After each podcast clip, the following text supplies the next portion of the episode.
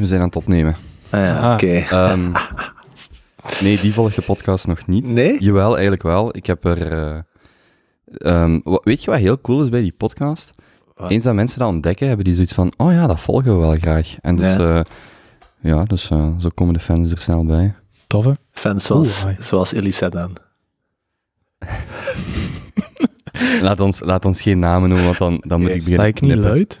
Eh, jawel. Bij mij sta ik... eh, Dat is niet, Maar- dat is niet zo erg, Jonas. Ik heb ondertussen Nee, al te horen gekregen van, eh, van Maar- mensen in mijn omgeving, vrouwelijke mensen in mijn omgeving, dat je een zeer aangename stem hebt om naar te luisteren. Oh, kijk aan. Zelfs met Limburgs ik accent ga geen, erbij. ik ga Maar- geen namen noemen, hè, maar ik- Jonas tegen had- Jij mocht... Wacht even, wacht even, voor we beginnen. Jij mocht iets verder van die microfoon zitten. Of die micro... Draai die eens een beetje naar onder. Je kunt dat gewoon zo naar onder trekken. Zo. Ja, en misschien dat bakje iets naar voren.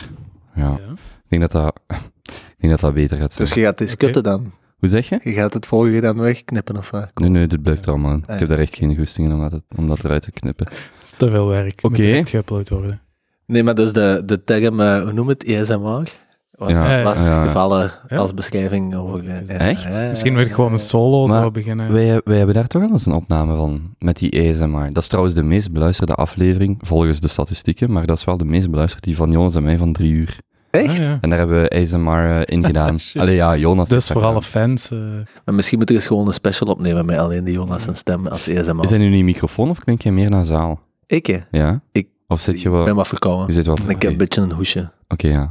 Ehm, Klein hoesje. klein hoesje. ja. Dus eh, even kijken. Voor de mensen die luisteren, we zijn ook de eerste keer met video eh, aan het opnemen. Mhm. Eh, ik ga dat wel niet te vaak herhalen, want de vorige keer hebben we dat ook gedaan en dan bleek dat die video niet werkte, dus dat was Oh, wel pijnlijk. Mm. Wacht, zijn we eigenlijk aan het opnemen? Met die video? Daar was, wacht, ik zal heel rap op. Het is gewoon pijnlijk als dat, als dat dan niet zo is. Maar zit hier een rood bolken? Ja, oké. Oké, Doet en dan eh, on oké. Ehm, ja. Ik wou nog iets vertellen, maar ik ben het vergeten. Dus ja, dus jij hebt de microfoonarm. De volgende keer dus op termijn zou ik graag deze tafel, maar groter, zodat je die microfoonarms eigenlijk helemaal aan het uiteinde kunt monteren. Nu zijn, staan ze dan nog te dichtbij. Ja. En dat iedereen zo zijn eigen bewegende arm heeft. Want hier, Ja. het probleem hierbij, en je hoort dat, is dat, dat, ja, dat je onnatuurlijk gaat zitten naar je microfoon toe. En bij die, als je die langs je zet, dan trek je die gewoon met je mee, gelijk eh, Joe Rogan dat altijd doet. Zo, zo. Ja, Zo een beetje zo. Ja. ja, ja. Dat is wel goed, hè? Ook als je zo af en toe eens kunt rechtstaan als je een marathonaflevering aan het doen bent. ja. Ja, voilà. ja. Over een marathon gesproken, een van mijn vorige gasten, Astrid Verhoeven, heeft gisteren een marathon van Eindhoven gelopen. Ik knip niks uit de afleveringen. Ik was Ehm, niks van plan. maar- Ga verder. Oké, ehm, maar ze ik heeft... ken eh, die dame niet komen. Nee, dat is waar. Je kent die, je kent die niet. Ehm, maar die heeft eh, na 26 kilometer moeten opgeven. Oh, Ze had eh, last in haar linkervoet. En eh, wat ik zag van de tussentijden, eh, eh, leek het er goed uit te zien, maar eh, helaas. dat is zonde. Ja, dat had gezien van ehm Chip Koge of... Ja. Nee, nee. Ik, ik... Kip Joggy. Ja, Zo. Ze gingen bij ons in de vriendengroep. Ja, ja, Joggy Ja, als man. straf, hè, man. Ja, echt, echt maf. Heb je alles geprobeerd? Heb je alles geprobeerd? Onder om op... twee uur de marathon te lopen. Ja, ja. Iedere zondag. ja. Nee, ik, ga dat, ik ga dat zelfs proberen. Nee, maar ja, hoe, wacht, hè, hoe, snel, hoe snel liep die dan? Iets van een... Eh, Ja, ik denk 60 twee- miles? 2,50 per kilometer. 2 minuten 50. Ja, Ah, ja, ja. Heb je dat alles geprobeerd om op de gym in zo'n Ja. loopband, om dat eens op 2,50 Dat is te zetten? snel. Ik heb dat vorige week geprobeerd, omdat ik wist dat hij dat ging doen. hè. Dan heb ik dat eens geprobeerd, hier, hè, eh, hier tegenover. Ik heb dat nog geen minuut volgehouden. Ja, Ja, dat kan ik geloven. Maar dus nadat ik die Astrid geïnterviewd heb, die deed de marathon op 2 uur 40. en ik, ik heb dat proberen om te tellen. Ik denk dat dat 3 Ook minuten snel, hè? 40 was. Alles per onder de kilometer. drie uur is... Ja, eh, dus die deed dat op 3,40. Dat was ook zo. Ik dacht, 3,40. Als die, dan, als die dan marathon kan, dan kan ik dat toch ook wel even. Jezus, dat was snel. Dat is echt hard.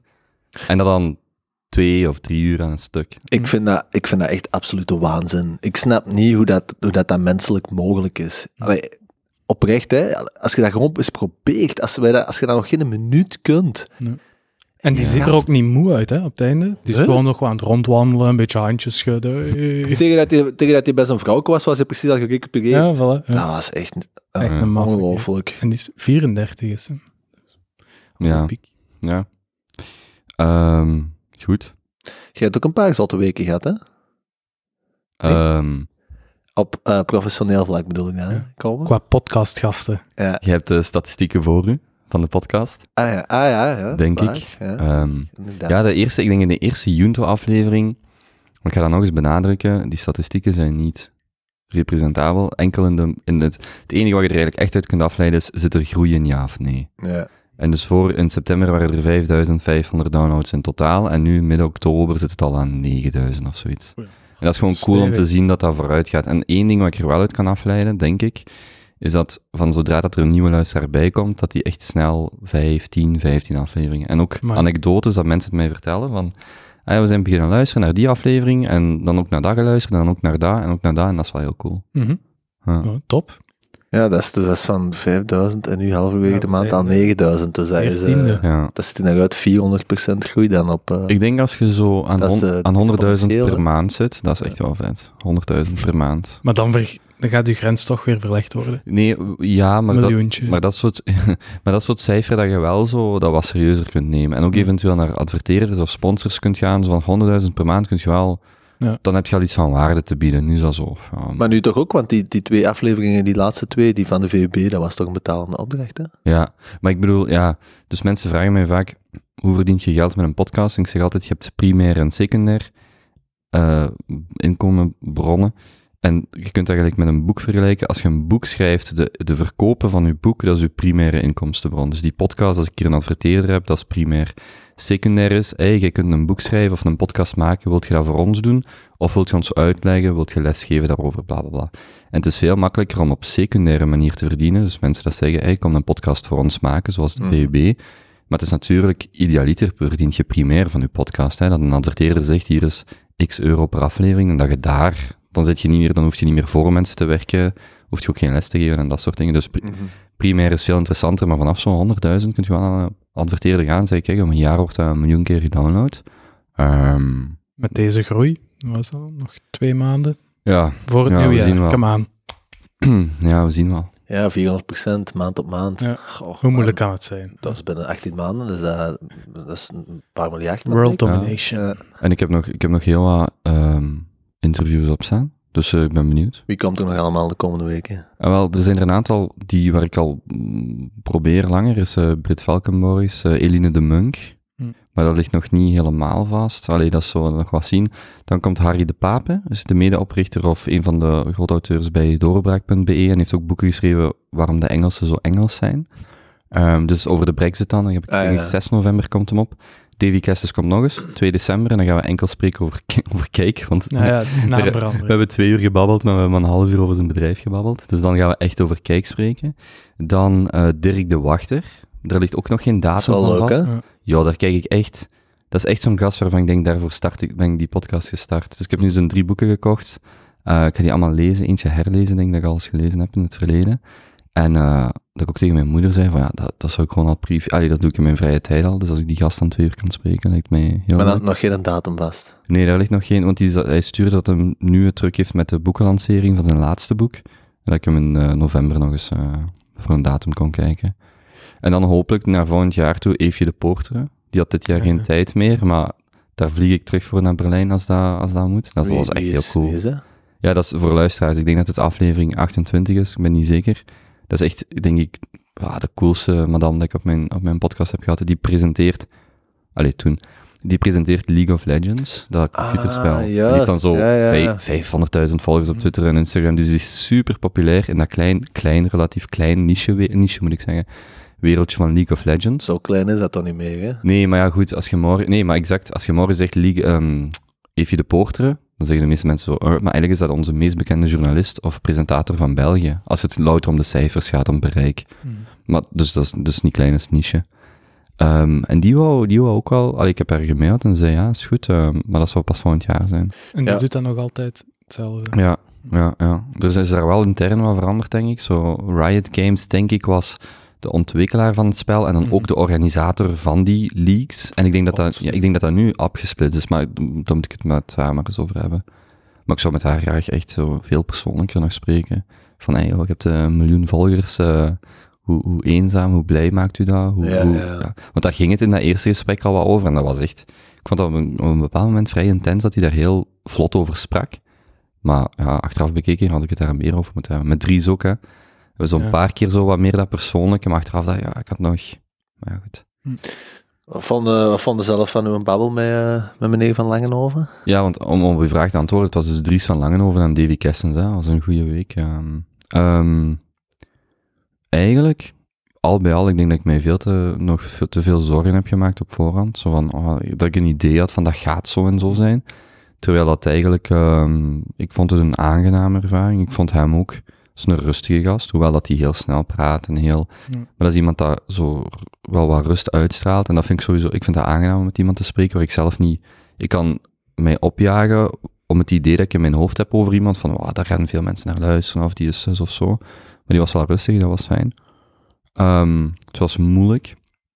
In de zin dat als wij nu een gesprek hebben, dat gaat eh, makkelijk in elkaar over.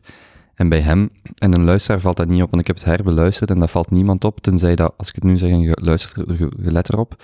Als ik een vraag aan hem stelde, die geeft een antwoord en die stopt ook met antwoorden. Ja. En dus dat is echt- daar. Ja, dus dat is echt. ehm, eh, hoe is het weer vandaag? Ja, vandaag was het zonnig 22 graden en het was best aangenaam. Stop. En als je nu naar dat interview luistert, gaat je dan merken dat dat echt gewoon stop, Mhm. stop. Ik was relatief goed voorbereid. Ik had mijn vragen, dat was eigenlijk heel goed achteraf bekeken. Normaal doe ik zo die snelle vragen op het einde van een interview, maar nu dacht ik, ik ga dat aan het begin doen. En dat was heel goed, want die stopte gewoon met spreken. En het valt eigenlijk niet op. Als ik het u niet had gezegd, was het niet opgevallen. Als je het nu herbeluistert, gaat je het wel merken. Wat ervoor zorgde dat ik het eerste half uur, drie kwartier gewoon vraag, vraag, vraag, vraag. En dat was aangenaam. En dan daarna ging dat wat vlotter. Zo van, want dan, als je dan een half uur of een uur met iemand hebt gesproken, dan kun je beginnen inpikken op, ah, maar toen zeg je dat en toen zeg je dat. En wat vind je hiervan? Mhm. Ehm, ja, en ik heb er eigenlijk ook goede commentaar van mensen op gehad. Dat mensen zeiden van, leuk om eens twee uur te horen, om, om niet zo dat snel, maar dat meer genuanceerd. Ik heb eigenlijk heel weinig negatieve feedback gehad. Eén mailtje van iemand die... Iemand dat ik dan zei, enorm apprecieer, die ook zich heel hard inzet voor, voor podcast. Maar eh, die, die mij, een, heeft het niet zo gezegd, maar zo, zo bedoelde hij het wel, eh, een, lichtgewicht vond. Eh, Dat, ik- dat ik hem geen kritische vragen heb gesteld en ook... eh, ehm, ja, dat ik, dat ik er niet klaar voor was, daar kwam het op neer. Nu, dat is maar eentje geweest. Ik wil ook voor de rest niet veel tijd aan, want ik heb tientallen positieve berichten van mensen gehad dat het heel aangenaam vonden. Dus al bij al, ja, leuke ervaring. Ja. Ja, ik moet zeggen, ik, heb het ook eh, beluisterd toen het was uitgekomen. En ik vond het vooral interessant op de manier gelijk als ik had gehoopt dat het interessant ging zijn. Omdat, ja, ik denk dat we met de mensen hier aan tafel toch in een soort van eh, linkse cocon leven. Allee, ik zelf toch al, hè? Eh, kan ik wel zeggen. En ik vond het dus interessant om te, zo die, de manier waarop dat hij zijn, eh, zijn levensovertuiging eigenlijk, want daar komt het op neer. Mhm. Het is, als je mocht spreken, het is, het is quasi geloof dat hem heeft. Hè? Mhm. Om dat is op een, op, op een manier zoals het hier verloopt, hè, om het dus volledig te kunnen aanhoren van, van, vanuit de persoon zelf, van hoe dat hij Mhm. dat ziet. En Ja. waar het van kwam, hè, van zijn jeugd tot nu, Ja. verder. ja. Dat is leuk. En ook wat ik bijvoorbeeld, als hij dan vertelde over Kathleen Kools, hè, over dat interview, dat hij zo zegt, ja, er zijn eigenlijk drie grote onwaarheden en hij legt dat uit.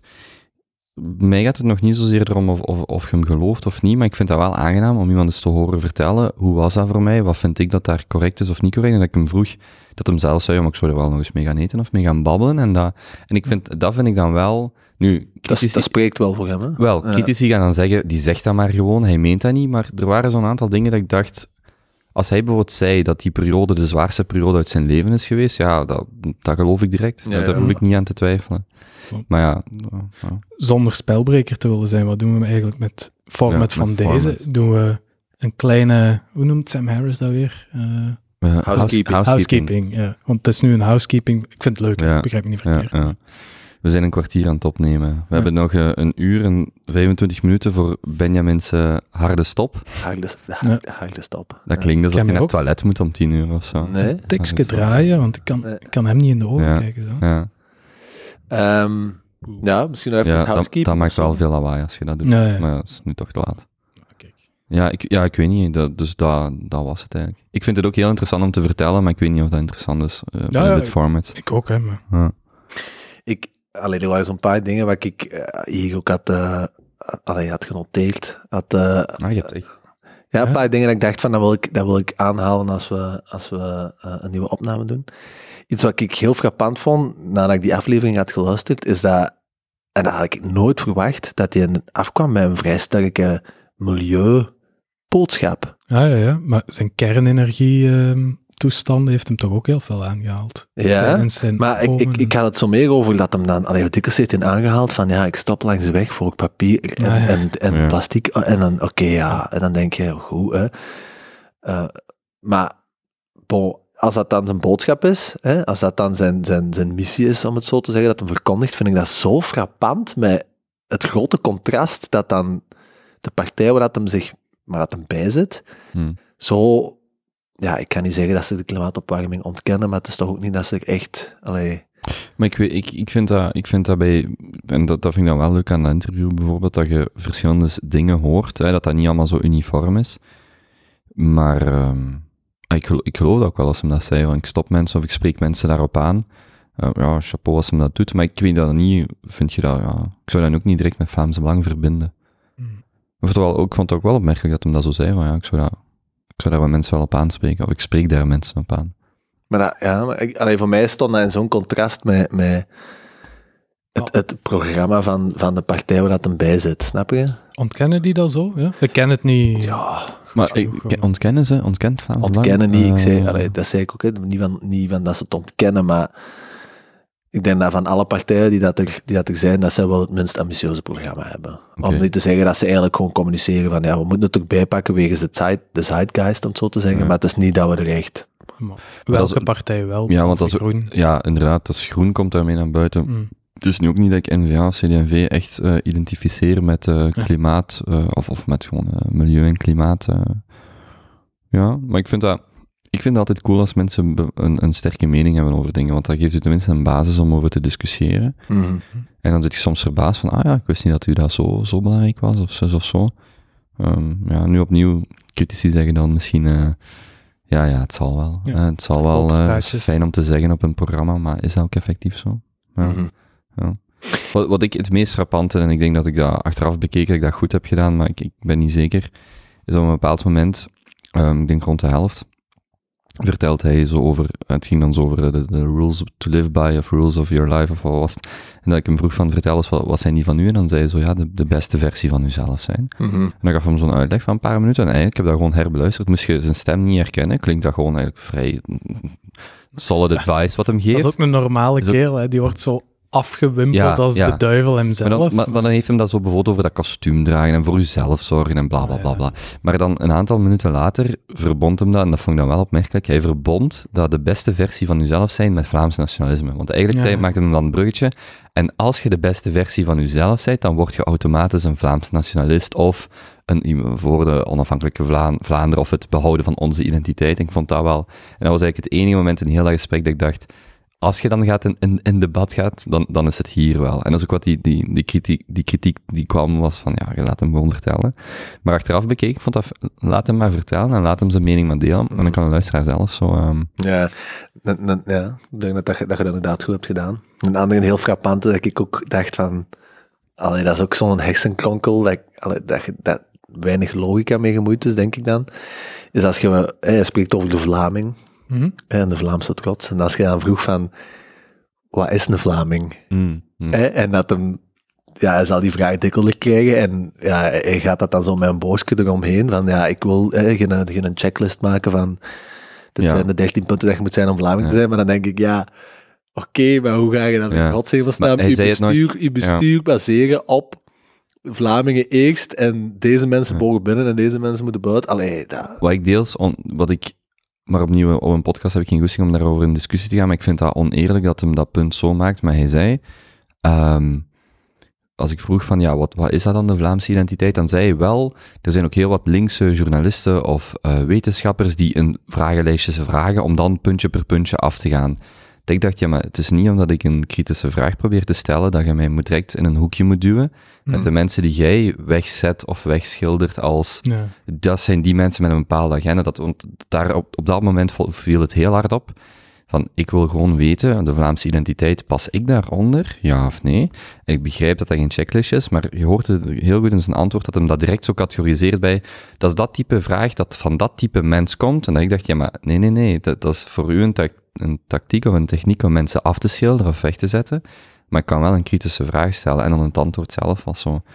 Nu, ik zou de vraag even goed aan Bart de Wever zeggen- stellen, Mhm. hè, van wat is dat dan Dat is Vlaamse voor identiteit? iedereen moeilijk te antwoorden. Ja. hè. Als ik aan u vraag, wat zijt je eigenlijk? Zijt je Vlaming, Belg, Europeaan, eh, Antwerpenaar? Tuurlijk, uiteraard is dat moeilijk. Dat is, dat is super moeilijk. Maar ik vind wel dat de bewijskracht om aan te tonen van wat Ja. er dan onder valt, als heel uw bestuur er gewoon... Allee, heel uw bestuur is misschien Ja. wel kort op de bocht, maar een groot deel van uw, van uw bestuur gebaseerd is op het kunnen definiëren van wat het juist inhoudt. Want ja, daar gaan daar gaan die mannen een Ja, ja. Dat bots gewoon bij, bij concrete dingen zoals ja. Ja. een inburgeringscursus. Moet je dat doen, ja of nee? Moet je daar geld voor vragen, ja of nee? De, daarbij botst dan, ja, wat is dan een identiteit? Is dat dan de Exact. taal kunnen? Ja, ja, dat weten we niet, dat kunnen we niet definiëren. Oké, maar ja, in uw beleid moet je dat wel ergens Tuurlijk. gaan definiëren. Dat, dat, dat vond ik, allee, dan dacht ik, toen heb ik echt zoiets gehad, toen ik was dat luisteren, toen heb ik echt zo, volgens mij hard op een geluid gemaakt, als ik in de auto zat van, allee jong, kom aan, dat kan dat toch niet, want van het moment dat je dat echt praktisch maakt, en jij daar, ik zeg maar iets, honderd vluchtelingen staan, en jij moet zeggen van, ja, die, ja, zo praktisch wordt het, hè, vandaar, die 30 wel, en die 70 niet. Ja. Ja, je Mhm. moet een criterialijst hebben, hè. Maar dat is voor iedere partij zo. Hè? Dat is niet alleen voor het Vlaamse Belang. Hè? Goed, Tuurlijk. Ja. Ja, zeg, ja, tuurlijk. want we kunnen, we kunnen nog lang Ja, over ja, Politiek, babbelen. Ja, ja. Ehm, ik vind dat leuk om te doen, maar eh, aangezien we een harde... Als we nu drie uur de tijd hadden, dan maakte mij dat niet uit. Dan moest een luisteraar maar doorspoelen. Maar we hebben een harde stop. Ja. En ik heb ook nog wel wat nieuwtjes over eh, in het kader van de Junto. Prima. Alright. Kijk, Dus- goed. From the top. Eigenlijk, eigenlijk zouden we zo van het moment dat housekeeping gedaan is een, eh, een dunch moeten hebben, hè, dat we dan overschakelen op, eh op Junto. Dat is het. Ik wou jullie nog iets vertellen. Oké. Oh. We hebben eigenlijk... Ja, maar jij weet het al. Maar ik ga ondertussen mijn laptop pakken, dat ik het kan afspelen voor de mensen thuis. Ik kan stoppen met mijn fantastische deuntjes te produceren, of wat? Ah, wel, nee, nee, nee, nee. Ik, ik- ah, wel. We hebben eigenlijk een, een intro-deuntje. Ja. Dat, is, dat is uw deuntje. Ja? Allee, dat meen ik niet. ik meen dat heel serieus. Allee. En ik vind... En ik vind dat we dat serieus moeten opnemen.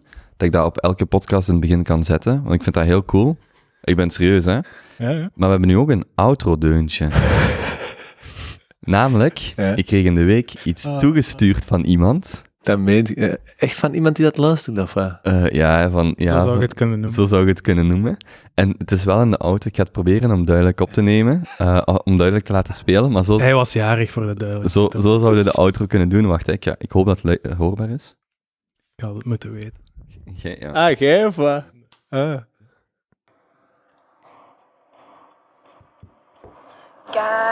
K-O-B-E S-H-O-E Kom zo. Ah, wie was het? Dat was eh, Jonas, eh, zijn vriendin. De plus one. De, Ah, de kijk, plus ja. one. Ja, we waren op en af aan het sturen voor zijn verjaardag. En als cadeautje wou ze ook iets inzingen. En Ah, dus, eh, geweldig. Ja, Dus dus, het is ook al zo'n aangename stem. Ja. Jongens, dat gaan nogal eh, speciaal gestemde kinderen worden dat gaan maken. Ja. Ja, logopedist, hè. Ah, voilà, kijk eens aan. Oké, jij gaat, jij gaat bij haar naar logopedie. Nee. Ah, ah, Nee. oké. Zo intiem mag het niet worden. Nee, nee, nee, nee oké. Logopedie, is dat zo intiem tegenwoordig? Ja? ehm, ja, best wel eigenlijk. Ja. Mijn, mijn, oh ja. Ik- in de week was mijn moeder thuis en die zag een vibrator liggen. En, ja, maar nee, nee, luister. Wat? Ja, Bij u thuis! ja, maar luister. Ga verder. Dus wat was er gebeurd? Hm. Mijn eh logopediste heeft mij twee weken geleden, Behandeld met een vibrator of wat? ja, eigenlijk technisch gezien, wel. Alle, kom, kom man. Dat zijn dat toch aan het verzinnen. en je moet een, ja, maar ik kan het u tonen. En je moet een vibrator op uw, je hebt hier dat jukbeen, hè. Mhm. En omdat als je, als je daar trilling op zet, dan helpt dat u om op een bepaalde manier meer, geloof ik, in de diepte te spreken. Als je daarop trilt. Waar En is dus- in de diepte spreken? Dat je naar boven probeert te spreken. Projecteren. Ja, projecteren. Ik geloof dat het daarmee te maken had. Dus die, die pakt daar zo'n bak met vibrators. En echt zo tien vibrators. En die zegt, ja, Gebruikt. ongeveer. wel, dus dat werd een beetje awkward, want ik wist niet, kan ik hier nu grapjes over maken of niet? En En, en, maar dus, en dus mijn moeder komt in de week binnen en die ziet er dan zo, zo, zo wie bij zo. En die kijkt zo. ah. Maar allee, dat zijn toch professionele... nee, nee, dat, is, nee dat, echt? dat zijn Ah, oh, echt. oké, ja, dat, zijn echt. Maar zeg jij, mama, het is niet wat dat je denkt, het is Nee. nee. logopedie. Ja, wel, ik had achteraf Ah. pas door dat ze dat... Nee, ik heb haar op het moment zelf niet gezien, maar achteraf dacht ik, oh, die heeft dat... Want we waren alles van het aan het opruimen en in orde aan het zetten thuis. En ik zo, oh, die heeft dat gewoon gezien, die heeft daar niks van gezegd, maar ik had dat misschien dat, is toch nog wel... erger. dat is nog erger als je daar, als je daar niks van zegt. Zo, gewoon een awkward stilte.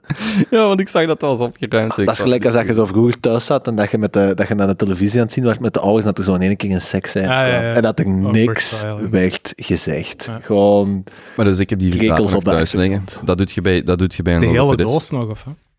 Ehm, nee, eentje. Eentje. En ik, moet- ik moet hem teruggeven, zei ze. Dus eh, En je zit dan echt zo met dat ding op je gezicht. ja, echt zo. zzz, En dan moet je spreekoefeningen doen. Ja, Komt die maap... Ik weet niet of dat Ja, nee. erger is of niet. Dan die maap. jongens, zo doet je dat wel niet. hè. en het dikwijls, Nee. dikwijls is dat per week dat je die vibrator op je gezicht moet leggen. Mm, Ja, je doet dat best dagelijks. ja, ik bedoel, je moet dat oefenen, hè. En hoe lang?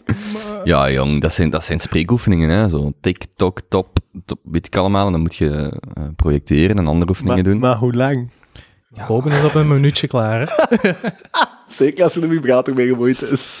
In ieder geval, Ja, ehm, dus housekeeping. Ja. ja. Dus nu moeten we, nu hebben we een intro, we hebben een outro. Dan ja, maar dus we we moeten die serieus opnemen, hè, die intro van u. Ja, zeg, als, pak daar eens iemand die fatsoenlijk voor. Ik, Ja, jij zit ermee, eh, dat was uw idee. De beat was er. Oké, is goed. We zullen, we zullen een, een verdienstelijke poging doen. Ja. Ja. Go. Ja, volgende... Nee, nee, nee, nee. nee, nee. Voor, de, voor de opname gaan we apart doen, ja. Anders dan we de flow. oké, oké. Goed? Ja.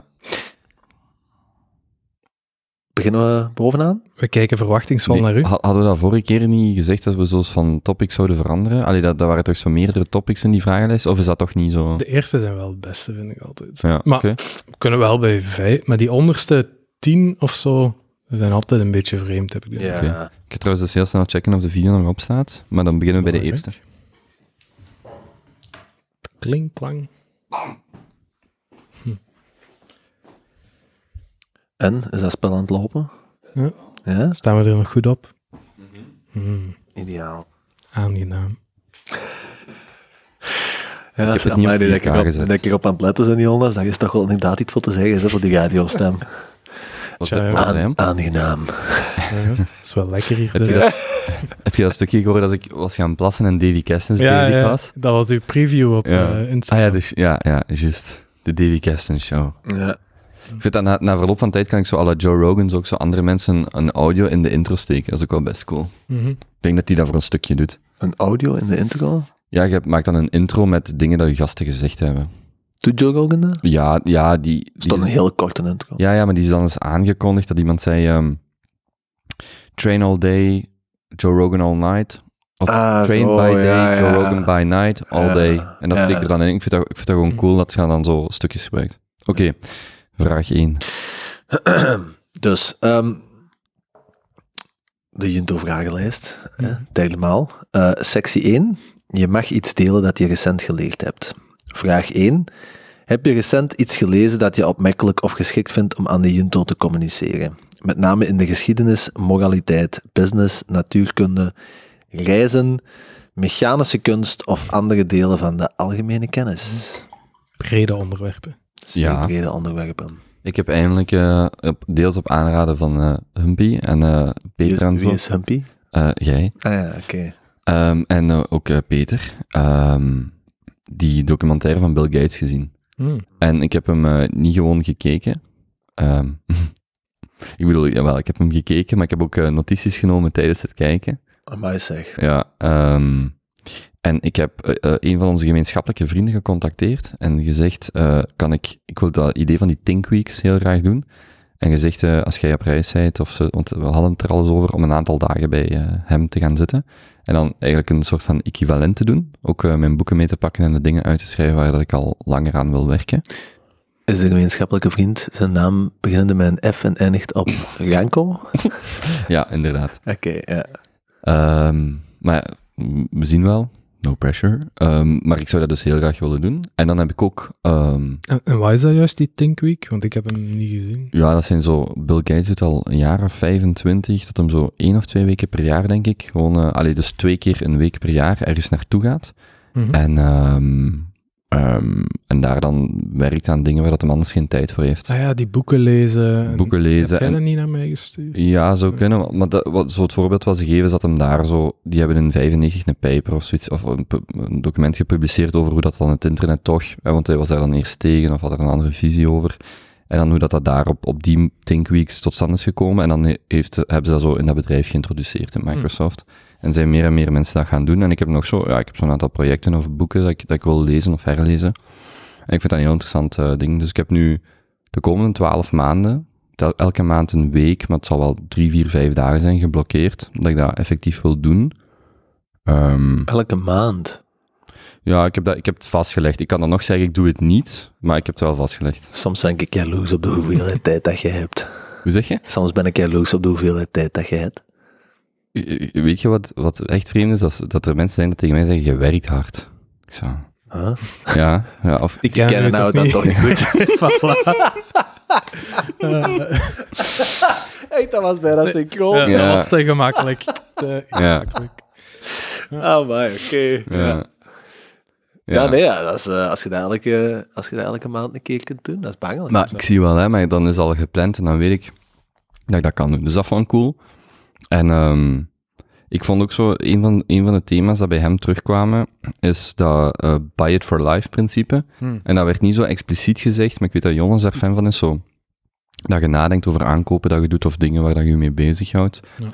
Meestal aankopen, dat je niet gewoon koopt om te consumeren, maar echt voor, voor lange termijn. Mhm. Buy it for life, iets wat je liefst één keer koopt. Mhm. En, En- vooral focus op kunnen onderhouden, dat er een lange warranty op is. Ja.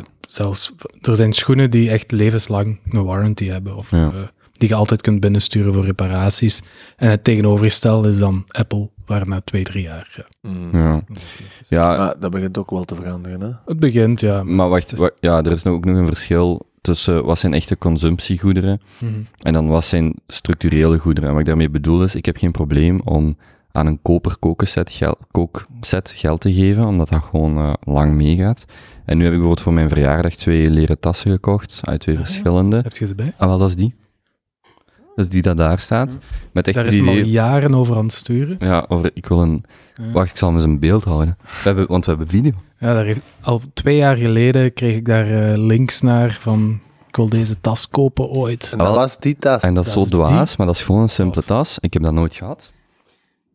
En omdat, omdat mijn En ik heb dan ook zo'n zo'n weekendbag gekocht, weet je. Hm. En dat is dan zo'n groter waarmee je... Ik ben nu overlaatst met mijn moeder naar Lissabon en dat was dan met mijn backpack. En dat is zo echt zo'n weekendtas waar dat je dan ook alles in kunt steken.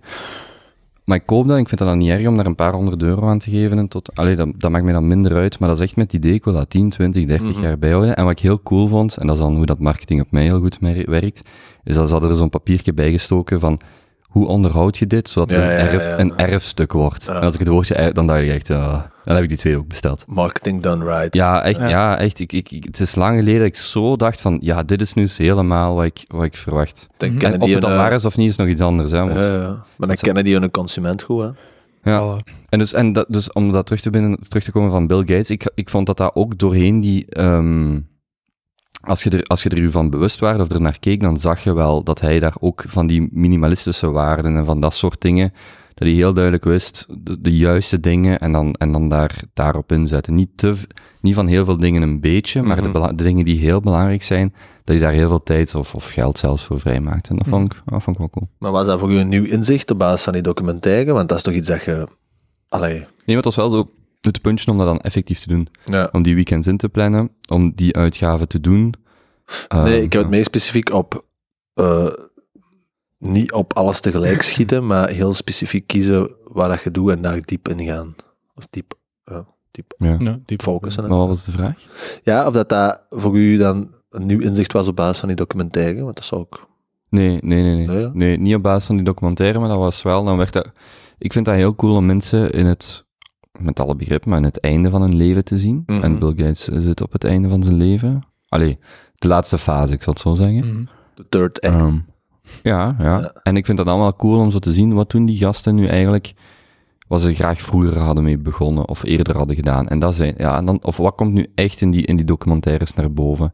Mhm. En dus niet zozeer kijken van wat voor gsm gebruikt hem of wat voor boeken leest Nee, want nee. dat is op zich relevant, maar dat is niet de kern van, van wat hem maar echt, waar spendeert hij zijn tijd en voor, ja, waar spendeert hij zijn tijd aan? Hè? Als je geen tijd meer hebt, waar spend, of weinig tijd, waar spendeert je het dan aan? En dat vind ik wel, ik vind het wel cool. Ik vond dat echt een aanrader. Ik heb hem Ja, is niet gezien, goed, maar ik vond hem een goede, goede documentaire. Ik was ook weet- ik weet- van onder de indruk. Ik weet wel niet of ik de interviewer zelf, die documentairemaker, het is die van... ehm, Inconvenient Group. Ja, Inconvenient Truth. Maar ik- dat wist ik niet voordat ik het bekeek. En eigenlijk vond ik hem niet zo sterk. Maar de docu zelf, Bill Gates zelf, is gewoon fenomenaal, denk ik. Man. Maar goed, Het is ook, eh, als je erover nadenkt, dat is een van de betere, hoe moet ik het zeggen, ehm, repositionings van een persona of zo. In de recente geschiedenis. Hè? Als je, allee, wij waren toen nog heel jong, dus we kunnen ons dat niet echt goed beseffen. Maar als je zo luistert naar mensen die dat, zich daar echt bewust van waren in de jaren negentig, van hoe dat die man zijn persona win geëvalueerd door het westerse publiek. Dat was toen, dat is ook gelijk als dat ik ook zie in die documentaire, dan met die monopolie mhm. ja, die eh, antitrust- aanklachten, antitrustzaken, die, die was, dat was een van de meest gehate figuren in de westerse businesswereld. Hè. Het was gewoon geweten van, eh, als je met Bill Gates in concurrentie gaat, jij wordt op de meest Mhm. brutale, harde manier uit de markt geconcureerd. En die was echt niet goed gepercipieerd. En als je dat nu ziet, hè, 10, 15 jaar later, is dat een van de Ja. meest geliefde, allee, Mhm. ze zouden hem bijna gaan heilig verklaren. En, en terecht, hè.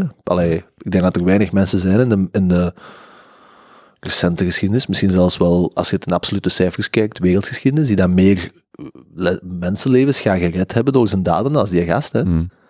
ja. Ik vond, eh, ik vond het een aanrader, sowieso. Echt, eh, sowieso. Zeker. Alright. We hebben hier, ik denk, ik heb het gevoel dat ik in het verleden ook al Starslate Codex, die blog heb aangehaald. Ja, ja. En daar was ook een goede blogpost. Ehm, er is zo de laatste maanden of een jaar misschien een hele anti-billionaire philanthropy movement, Mhm. uiteraard. Mhm. Ehm, en hij heeft, of op Starslate Codex staat er een goede rebuttal of een goed antwoord op, op waarom dat, dat dan toch, of, of gewoon zijn mening over die, die movement waar dat miljardairs niet meer zouden mogen doneren om allerlei redenen, Hm. aanrader. En ik denk dat de titel is, dus de, de originele movement, zo gezegd, is Against Billionaire Philanthropy, en zijn titel is Against Against Billionaire Philanthropy op Starslate Codex. Aanrader van een blogpost. Hm. Oké. Tof. Heb- Wat hebben jullie? Mm, ik ben eh, Onze danser. dat, was, ja, dat was dit weekend. Maar ik ben deze week ook bij de notaris geweest. Ik ben eh, nu groot grondbezitter. Oeh, kijk eens aan. Kleine studio gekocht. Ja. Eh, het is meer een weetje, niet zo'n heel verhaal. Maar ik zat dus bij de notaris. En blijkbaar zijn er in, vooral in Antwerpen veel beruchte notarissen die wel eens naar het buitenland willen vluchten met zo al het geld van hun klanten. Eh, en dat gaat dan echt over honderdduizenden, miljoenen die gewoon ja, weg zijn, want die notarissen die beheren dat allemaal. En die hebben blijkbaar een periode van drie maanden waarom ze gecontroleerd worden. Maar dus alles wat die kunnen verzamelen in drie maanden en mee vertrekken, dat kan weg zijn. Nu, blijkbaar is het wel zo, en dat wist ik niet op voorhand, want ik heb notarissen altijd een beetje gezien als iets of wat, ik moet oppassen natuurlijk, met veredelde ambtenaren, wat uiteindelijk ook wel zo is. Ja. Ehm, maar die hebben dus ook een overeenkomst tussen elkaar, wat een beetje hetzelfde is als de Joodse gemeenschap hier, is dat als één van hun iemand oplicht, dan zullen alle anderen samenkomen om degene die is opgelicht terug te betalen, te vergoeden. Dus Maar al die mensen die bestolen zijn, vanuit het, ik geloof het Belgisch notariaat, wordt dan geld opgehaald, of die hebben een pot liggen, en daarvan krijgt jij dan je geld terug. En dat is eigenlijk een groot deel van wat dat no- notariaat doet. En dat is hetzelfde bij de Joodse gemeenschap rond, ja, als je daar deals mee doet en dat gaat mis, dan komen die ook allemaal samen om te helpen. Vond ik wel interessant. Hele toffe notaris. En dat is op een Antwerps niveau? Of is dat op een Vlaams Vlaam- niveau? Dat durf ik niet zeggen. Ja, ik denk dat het wel groot genoeg moet Ja, zijn ja. om eh kosten Wist, te... wist je dat er maar 1500 notarissen, en nu weet ik niet, is dat federaal of Vlaams, maar ik denk in Vlaanderen, dat is, omdat dat een beschermberoep is, er zijn, mogen Ja. er maar 1500 zijn. Hm. En, als- en dat is deels die- van de reden waarom dat die prijzen zo stabiel of zo hoog zijn, omdat daar Ja. nul, nul concurrentie is. En als Dat dan die soms- overgaat van familie tot familie, dan moeten ze zoiets opkopen. Ja, Ja. Echt, Ja. gist, gist. Ja. Maar Was wel een leuk feitje. De notarisspot voor als uw notaris naar het Ja. buitenland vlucht. En nog één kleiner leuk feitje is dat er een hele kleine limbo-zone is bij het aankopen van een huis. Want je mocht dus niet het huis kopen van de verkoper zonder je geld. Maar de bank wil u het geld niet geven zonder het huis. Ja. Hm, Dus hm. je kunt niet de een voor de ander doen. Dus eigenlijk moet de notaris liegen tegen de bank en zeggen hij heeft het huis. En liegen tegen de verkoper en zeggen hij heeft het geld. En er is een heel kleine periode tussen dat de notaris tegen de bank heeft gezegd hij heeft het huis en dat jij het echt tekent van ik koop het huis, dat die notaris volledig instaat voor dat bedrag. Ja. Want ja, als er dan, ik weet nu niet wat er kan gebeuren, pak dat je dood neervalt of zo, dan is dat geld ergens en dan gaat er van alles mis. Over hoe lang spreken we dan? Eh, ja, tussen, dus je doet eerst een half uur eigenlijk je lening vrijgeven. Dus Ja. dat die zegt, je krijgt het geld. En dan is het een half uur overlopen met de verkoper. Van, dit zijn alle lettertjes, die gaat erover. Een keer. Ja, voilà. Maar ja, toch. ja, maar dat is ook Ja, ja, bijvoorbeeld Toch? getekende documenten en dan wordt er bijvoorbeeld naar de bank gebeld van laat het geld maar vrij, dat heb ik ook al, ook al eh, Mhm. gehoord.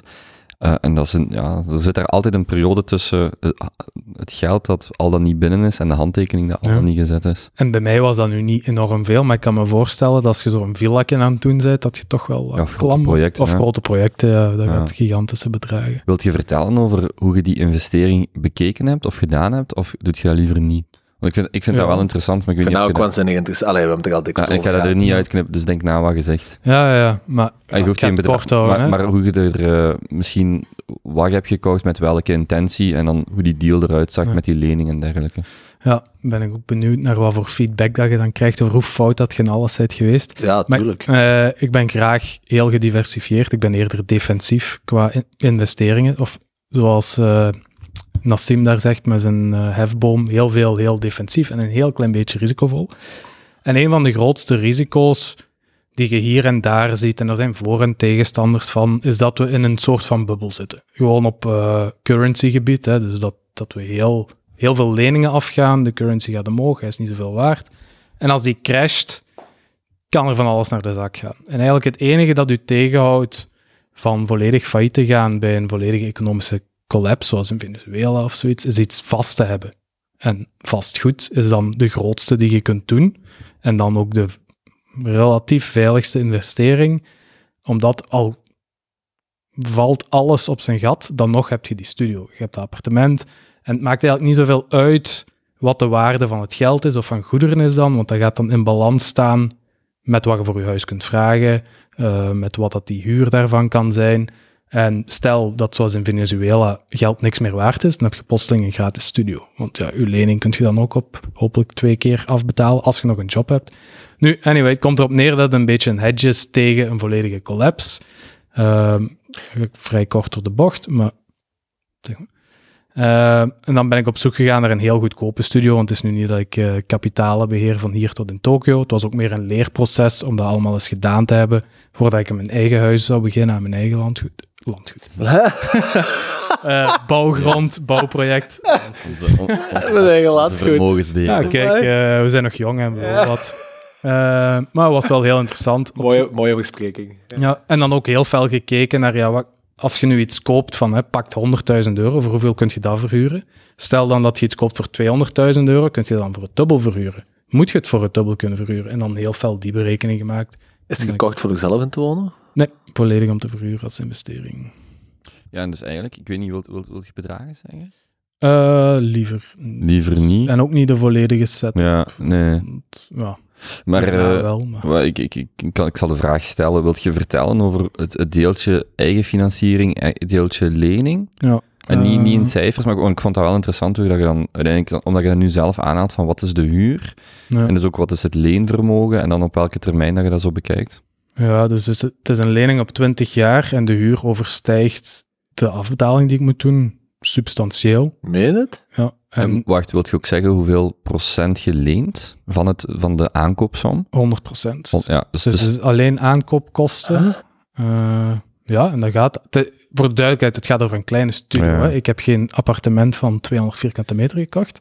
Een We kunnen stukje. cijfers wel eens over... De, maar het klopt allemaal. Ja, Ja, ja, ja. ja, Ehm, dus het klopt, en man. ook de rente, kijk, de rente kan ik wel zeggen, is 1,38. Wat eigenlijk ook, ook weer een reden is. hè, Het geld is heel goedkoop. Dat is, dat is nu de invest... hm, Er zijn ook weer voor- en tegenstanders van, maar geld is heel goedkoop, dus je moet erop inspelen. Dus lenen is in theorie goed om te doen nu, want Opnieuw dat is als je aan het diversifieren bent. Als je aan het diversifieren Ja. bent. Ja. Maar dus, dus om, om fictief is, pak je koopt hier in Antwerpen een appartement van 200.000 euro, zeg Mhm. maar iets. De bank laat het toe om dat volledige bedrag te lenen, al dan niet nog met de kosten erbij, die je ook nog zou kunnen bijlenen. Dus Ja. de registratie, notariskosten. Klopt. En, en in principe is dan de huurinkomsten zijn hoger dan de afbetaling van die 200.000 euro over 20 jaar, in uw Ja, geval. klopt. Ja. Het enige is dat je, ja, je moet genoeg verdienen. Je moet wel kunnen laten zien dat je iets hebt. Maar je moet dus niks, je moet niks inbrengen. Ja. Nu, Dus eigenlijk is het voor u niet zorgeloos, maar wel kosteloos in de zin dat na 20 jaar houd je een appartement over. Allee, ik bedoel, er zit daar nog wel marge op als je nog problemen met verwerken hebt of zo, Mhm. maar dat is het idee erachter. ja. En het is echt puur gekeken als investering. En ook voor de duidelijkheid, om van die 80% quotiteit dan naar 100% te gaan, is er wel een schatter langs geweest. Die heeft gezegd van ja, het is waard wat dat jij ervoor leent. Dus de bank denkt zich, dekt zich ook wel in. Het is Mhm. niet gewoon dat die zeggen, ah, hier, Ja. het is alles voor de huis. Ja. Ik heb twee vragen. Ah, ja. Vraag, vraag 1. Hoe, ehm, ik dacht dat het verboden was sinds de crisis om voor 100% te lenen. Vraag 2. Hoe lang je dan moeten zoeken eh, voordat je een eigendom vond waarvan dat eh, op 20 jaar afbetaling eh, lager was als de huurinkomsten? Eh, die lening is het eerste wat ik daarvan hoor. Ja, vraag 1, het is niet verboden, het is gewoon veel strenger geworden. Ja, Maar het is niet verboden. dat Eh, ik. ja, ik dacht, ik dacht dat, eh, maar dat zeg beperkt dus duidelijk, Mhm. ik dacht dat, dat je minstens 15% zelf moest hebben. Nee. Nee. Misschien dat je het moet hebben, maar daarom het niet moet investeren. Ik weet het Nee, niet. maar dat, dat hangt ook van het volledige dossier af. Hè. Was uw inkomsten, was uw Mhm. vermogen, enzovoort en zo verder. was, was de som. Ja, Ja. ja, ja. En ook, het is ook anders als jij morgen zeg met een blok koopt van 5 miljoen euro. Alhoewel je zou nog verschieten van hoeveel je daarvan kunt financieren. D- dat is een spectrum, hè. En je mocht wel 100%, zelfs 110 met de kosten Ja. erbij, maar dat hangt wel van uw achtergrond af. Ik heb ook niet... Ik ben zelfs niet bij... Dat is ook iets... Waar had ik nog op kunnen besparen. Ik ben niet bij banken langs geweest. Gewoon Keytrade Bank, dingetje ingevuld, schuivertjes gedaan. En dat was in orde. Hm? Hm? Allee, jongens. Ja. En dan en, en vraag 2.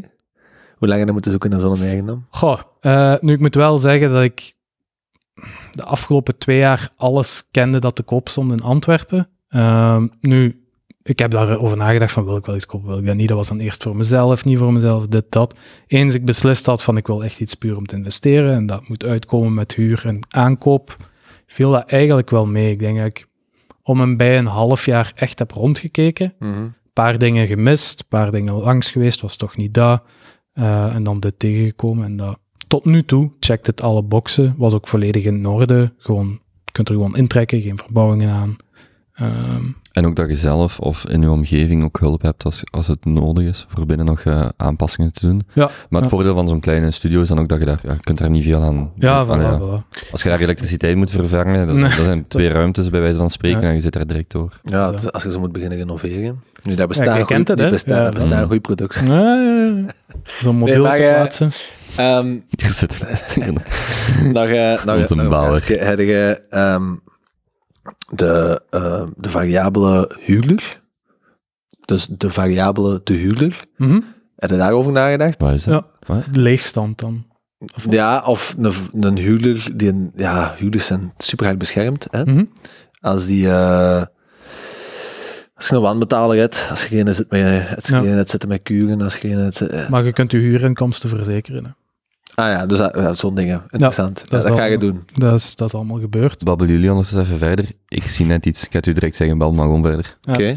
Eh, ja, dus dat kun je allemaal ah, tot op een bepaald punt verzekeren. Eh, hetzelfde met schade aan het gebouw kun je ook allemaal verzekeren. Dat is nog altijd... Ik kan nu niet zeggen dat je dat allemaal één op één gaat terugkrijgen, maar je gaat zeker niet, als die je hele kot afbreken, dat je eh, dan plotseling alles kwijt bent. Nu opnieuw, al breken ze dit helemaal af, dan zou ik... Ik ga het toch ooit moeten verbouwen, dan verbouw ik het gewoon. Dan- Ja, ja, maar als je iemand hebt zitten die daar eh, eerst het een paar maanden betaalt en dan een half jaar niet, daar heb je die verzekering voor. Ja, daar kun je je voor verzekeren, ja. Over wat soort bedragen spreek je dan? Goh, dat, zou ik moeten, dat, was, dat is eigenlijk helemaal niet veel. Alles van... Het is zo'n kleine oppervlakte. De Ja. huur is relatief laag ook, want het is gewoon een studio. Wacht, Jonas, spreek maar verder, Benny. Jij moet gewoon even niks zeggen. Eh, is ook relatief laag. Dus eigenlijk al die verzekeringen gaande van schuld saldo tot brandverzekering tot huur, opbrengstverzekering, ik weet niet meer juist hoe het heet.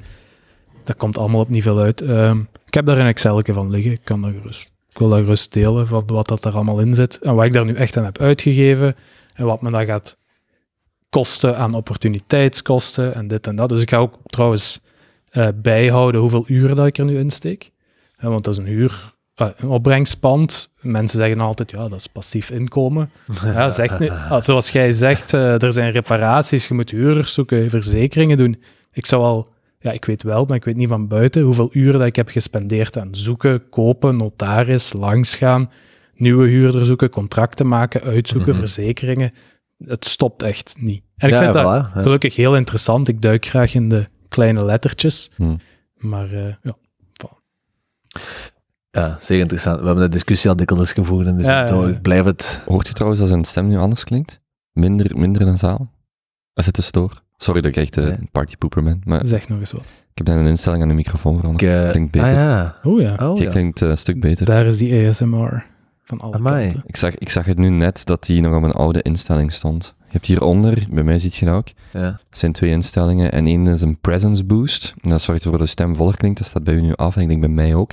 Ah ja. Maar die andere is een, is een bas boost en dat neemt de bas weg. Ah. Bij u stond het dat het bas wegneemt. Misschien is Anyway. dat dat met u, die microfoon Ja, staat ja. gewoon op ESMR. Die duwt daar gewoon bij, jong. Uh, moet gewoon Eh, er kort bij komen en dat is ja. helemaal in orde. Anyway, maar nee, dus terug- eh, terug we waren aan het zeggen, ik ben het al dikwijls over gehad. Hè. Ik blijf dat een waanzinnig interessante discussie vinden. Hè.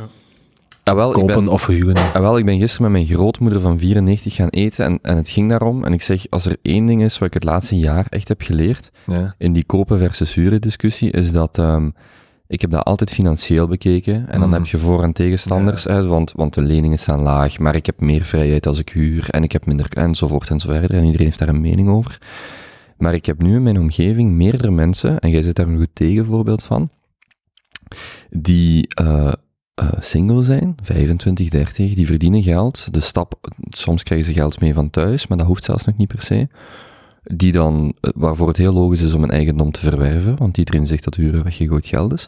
Dan komen die iemand tegen en dan is het, ja, kom maar in mijn huis wonen of ik ga bij u in het huis wonen. En als er één ding is dat ik het laatste jaar heb geleerd, is dat die keuze, die stap maakt echt alles moeilijker. Dat is ongelooflijk als ik, dus jullie, dus Jonas, jullie wonen samen. Jullie, ehm, wanneer dat jullie de keuze maken om iets te kopen of te verbouwen of, of zelf te bouwen, het maakt niet uit. Jullie kunnen echt samen zitten en zeggen, en zo zou ik het voor mijzelf wensen, van wat wil ik in een woonst, wat wilt jij in een woonst? En voor mij zou dat zijn een Mhm. bibliotheek, een bureauruimte. En, ja, maar, Mijn landgoed, uw bibliotheek. nee, nee, nee. We gaan. Nee, nee. Podcast, studio, Ja, nee, maar ik- nee, nee, ik ben heel serieus. vibratorkastje. Oh, Jesus.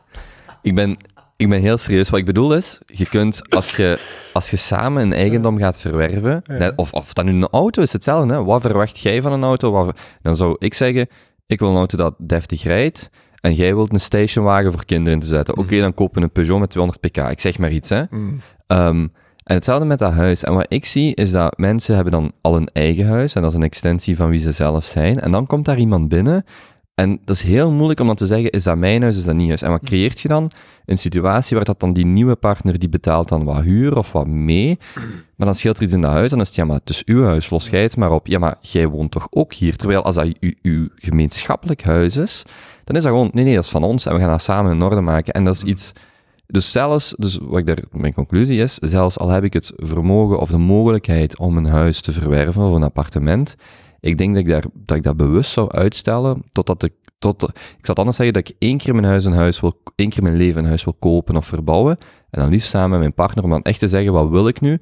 Los nog van dat financieel, maar ik zie hoe dat, dat tot moeilijkheden leidt. Mhm. Ja, volledig, ik, ik heb, volledig ik heb het over woonhuis, hè, niet investeringen, gelijk wat jij zegt. Ja. Dat, dat, dat zou nog iets helemaal anders zijn. Volledig akkoord, want je hebt ook, je hebt ook het, het, eh, het relationele aspect daaraan. Dat als het een eigendom van één iemand is en een andere moet er gewoon voorbij betalen, maar die eigendom zit meerwaarde te creëren jaar op jaar en, en die meerwaarde is alleen voor één van de twee. Allee, dat, dat leidt tot spanningen. Hè? Maar dat is voor mij meer, en eigenlijk dat wat jij zegt ook, is dat koppels niet goed kunnen praten over financiële zaken. Zoals die dingen afspreken over, jij betaalt huur of jij betaalt een deel van de afbetaling, dat gebeurt vaak al pas na het eerste jaar, tweede Mhm. jaar, en dan, ah, wacht, ik ben hier al zoveel huur aan betalen en jij krijgt dat en jij hebt gewoon meerwaarde. En, Maar het is, heel, het is heel moeilijk als jij morgen bij iemand gaat wonen, zelfs al heb je een financiële regeling, dat je zegt, oké, ik betaal mee de lening af en we staan mee Mhm. samen op dat contract of op die eigendom. Het is dan heel moeilijk om te zeggen, ja, zeg, en trouwens, die tweede verdieping, ik vind dat maar niks, ik wil dit en dit. Dat is gewoon moeilijker als dat je van een blanco blad begint. ja, ja. Want daar staat dan het, het kastje van de zus, of gelijk een, een tafel dat je broer voor u heeft gemaakt. Als jij binnenkomt en je zegt, ik vind dat hier echt niet passen, gaat, gaat je dat dan echt doorduwen? Ja, dat is gewoon makkelijker om van een blan- blanco, blanco bad te beginnen. En dan ook, ik vind het helemaal niet vreemd om eerst een, een aantal maanden, of liever een aantal jaar, rond samen te gaan wonen, te Mm. huren. En dan werkt dat, en dan is er nog iets. Als je een buurt wilt gaan bouwen of, of, kopen, ja, ga daar eerst eens gewoon wonen of een aantal weken. Als, of Mm. ga daar twee of drie maanden Airbnb bij wijze van spreken, maar dat je tenminste weet, voor je de grootste aankoop van je leven doet, van voel ik mij wel goed in dat die vind buurt. ik echt een goeie. Ja, Die. Airbnb, daar had ik Ja. zelfs nog niet over gedacht. Vroeger zeiden mensen, ja, maar ik kan daar toch niet gaan huren? Maar dat moet je niet, ga daar gewoon drie maanden Airbnb. En hoe voelt die buurt? Die buurt? Voor met twee is het Ja, even ja. duur om te Airbnb. Voor hetzelfde geld, iedere zaterdag zwaar feestjes bij Ja. de buren. En dan zeg je, ah ja, dat is toch niet zo fijn. Maar ja, dan zitten alle spullen twee keer te verhuizen. ja, maar, Alleen een verhuis moet dat niet Oké, onderschatten. maar wat is de, ja, maar, maar wat is de opportuniteitskost? Als je fout zit. Als je iets huurt, toch niet zoveel. Nee, nee, ik bedoel, als je dan iets koopt en na een Ja. jaar, Ah, zeg, je, ja, na een jaar zeg je, ah, die, die, die, die, die buurt vond ik toch niet zo leuk. Maar je gaat toch ook niet iets kopen als je al een paar jaar samen hebt gewoond en iets hebt gehuurd? Nee, denk ik dan. Hoe bedoelt je? Ja, als je elkaar leert kennen en je beslist, eh, we zitten nu op een leeftijd, het zal nu geen jaren meer duren, maar misschien eerder over maanden of een klein jaar gaan of zo. En je denkt van, we gaan nu samenwonen. Hm. Is het toch raar als je dan direct al iets zou kopen. Ik ken er Oh, genoeg. Ik ken er Ik ook. ken er genoeg. Meen je dat? Ja. Ja, Ik ken smaak. zo... ik- Ja, ik ga je niet met Nee. meer specifieke dingen geven, maar die... Die hebben dan zo even is heel samengewoond in het appartement van de ene en dan gewoon bam, gekocht. Heel verleidelijk hoor. Ja. Heel verleidelijk. En, en je moet nu maar eens gewoon opletten hoeveel mensen een mening gaan hebben over die nieuwe woonbonus of het afschaffen van, oh ja, nu is het nog goed om te kopen, of dan. En de discussie gaat over opnieuw zo van, was nu even dat financieel dat beste, maar gaat niet over het meer fundamentele. Wat wilt je eigenlijk? Was goed voor je Hmm. relatie? Was goed, ah, enzovoort enzovoort. En dat is Ik vind dat heel frappant. Het grootste obstakel bij heel die... eh, de trend van... eh, alle, interesse die accumuleren, was daar het woord weer voor. Eh, anyway, dat je zo moet investeren en altijd moet blijven investeren en dan groeit ehm, uw kapitaal heel sterk, hè, want je investeert altijd en je hebt interest op interest enzovoort. Maar daar vind ik vaak ook dat je een stuk van de realiteit kwijt bent met, ja, je hebt gewoon fases in je leven dat je geld nodig hebt. Wie Mhm. kan dat doen? Echt ieder jaar, iedere maand alleen maar sparen en op interesten inzetten en nooit een huis kopen en nooit andere dingen Mhm. doen. Zo dat fabeltje van ik zet eh, zoveel op de S&P 500 en ik blijf erin investeren. Ik ben eens benieuwd hoeveel Ja. mensen dat kunnen Ja, doen. dat is een minderheid, hè. Ja. Sowieso. Want dan, de risico's zijn over 20 jaar, maar hoeveel mensen kunnen 20 jaar zonder Je hebt mensen die zouden per jaar 10.000 euro sparen om dan een kredietkaart aan 20% af te betalen. En dan zo, ja, maar ik had even geld nodig. Ja, maar wat je op, een, op vijf Ja, jaar ja. gespaard hebt, zit je kwijt door twee maanden je, je Ja. kredietkaart niet af Maar te de mensen die panikeren als er 10.000 euro staat en ja, maar ik moet op de beurs zetten. Nee, nee. Als je dat binnen de 10 jaar nodig hebt, laat, dat Mm. gewoon, laat het gewoon. Ja. Anyway, Ehm, maar ik, vond ik vind dus dat het laatste jaar, ik had er al met mijn grootmoeder, ik vind dat heel frappant hoe dat mensen, wel mensen, of nee, hoe, hoe, hoe onbelangrijk dat dat voor mij is geworden, dat financiële, en hoe veel meer belangrijker de, de invloed op uw leven en uw levensstijl heeft op die keuze. hm. Maar ik het eh, van dichtbij en van dichterbij en soms ook van wat verder zie, wat, tot wat voor vreemde situaties dat dat soms leidt. Mhm. Of, of gewoon, dat is gewoon iets wat de zaken moeilijker maakt. Maakt het nooit makkelijker. Mhm. En, en mijn vraag is dan, ja, ga, ik, gaat je nu bewust iets doen wat het gewoon moeilijker maakt? Ja, en mijn antwoord is nee. Ja. ja. Goed.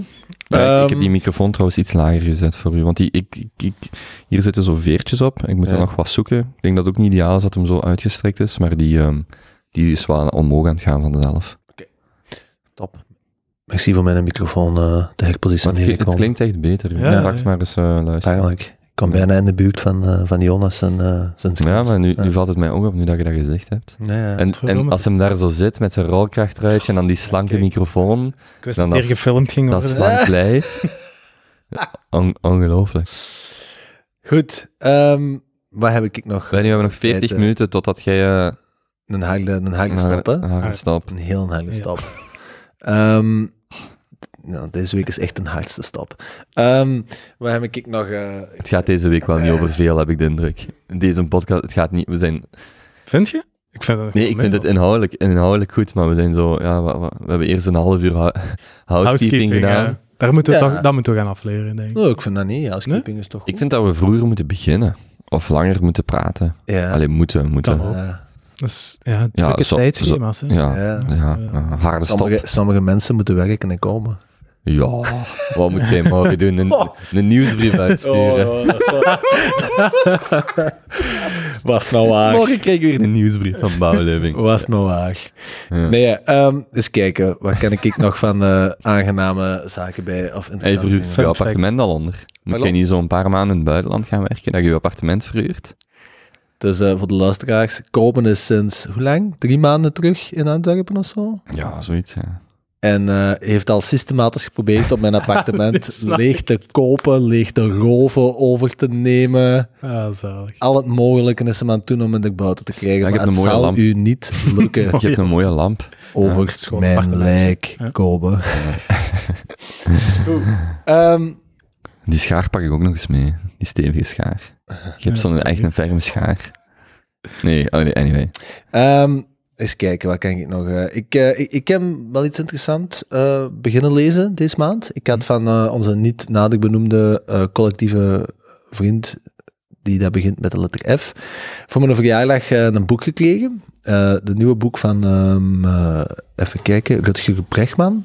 Ja, welke? Jullie wel gekend, denk ik. De meeste mensen deugen.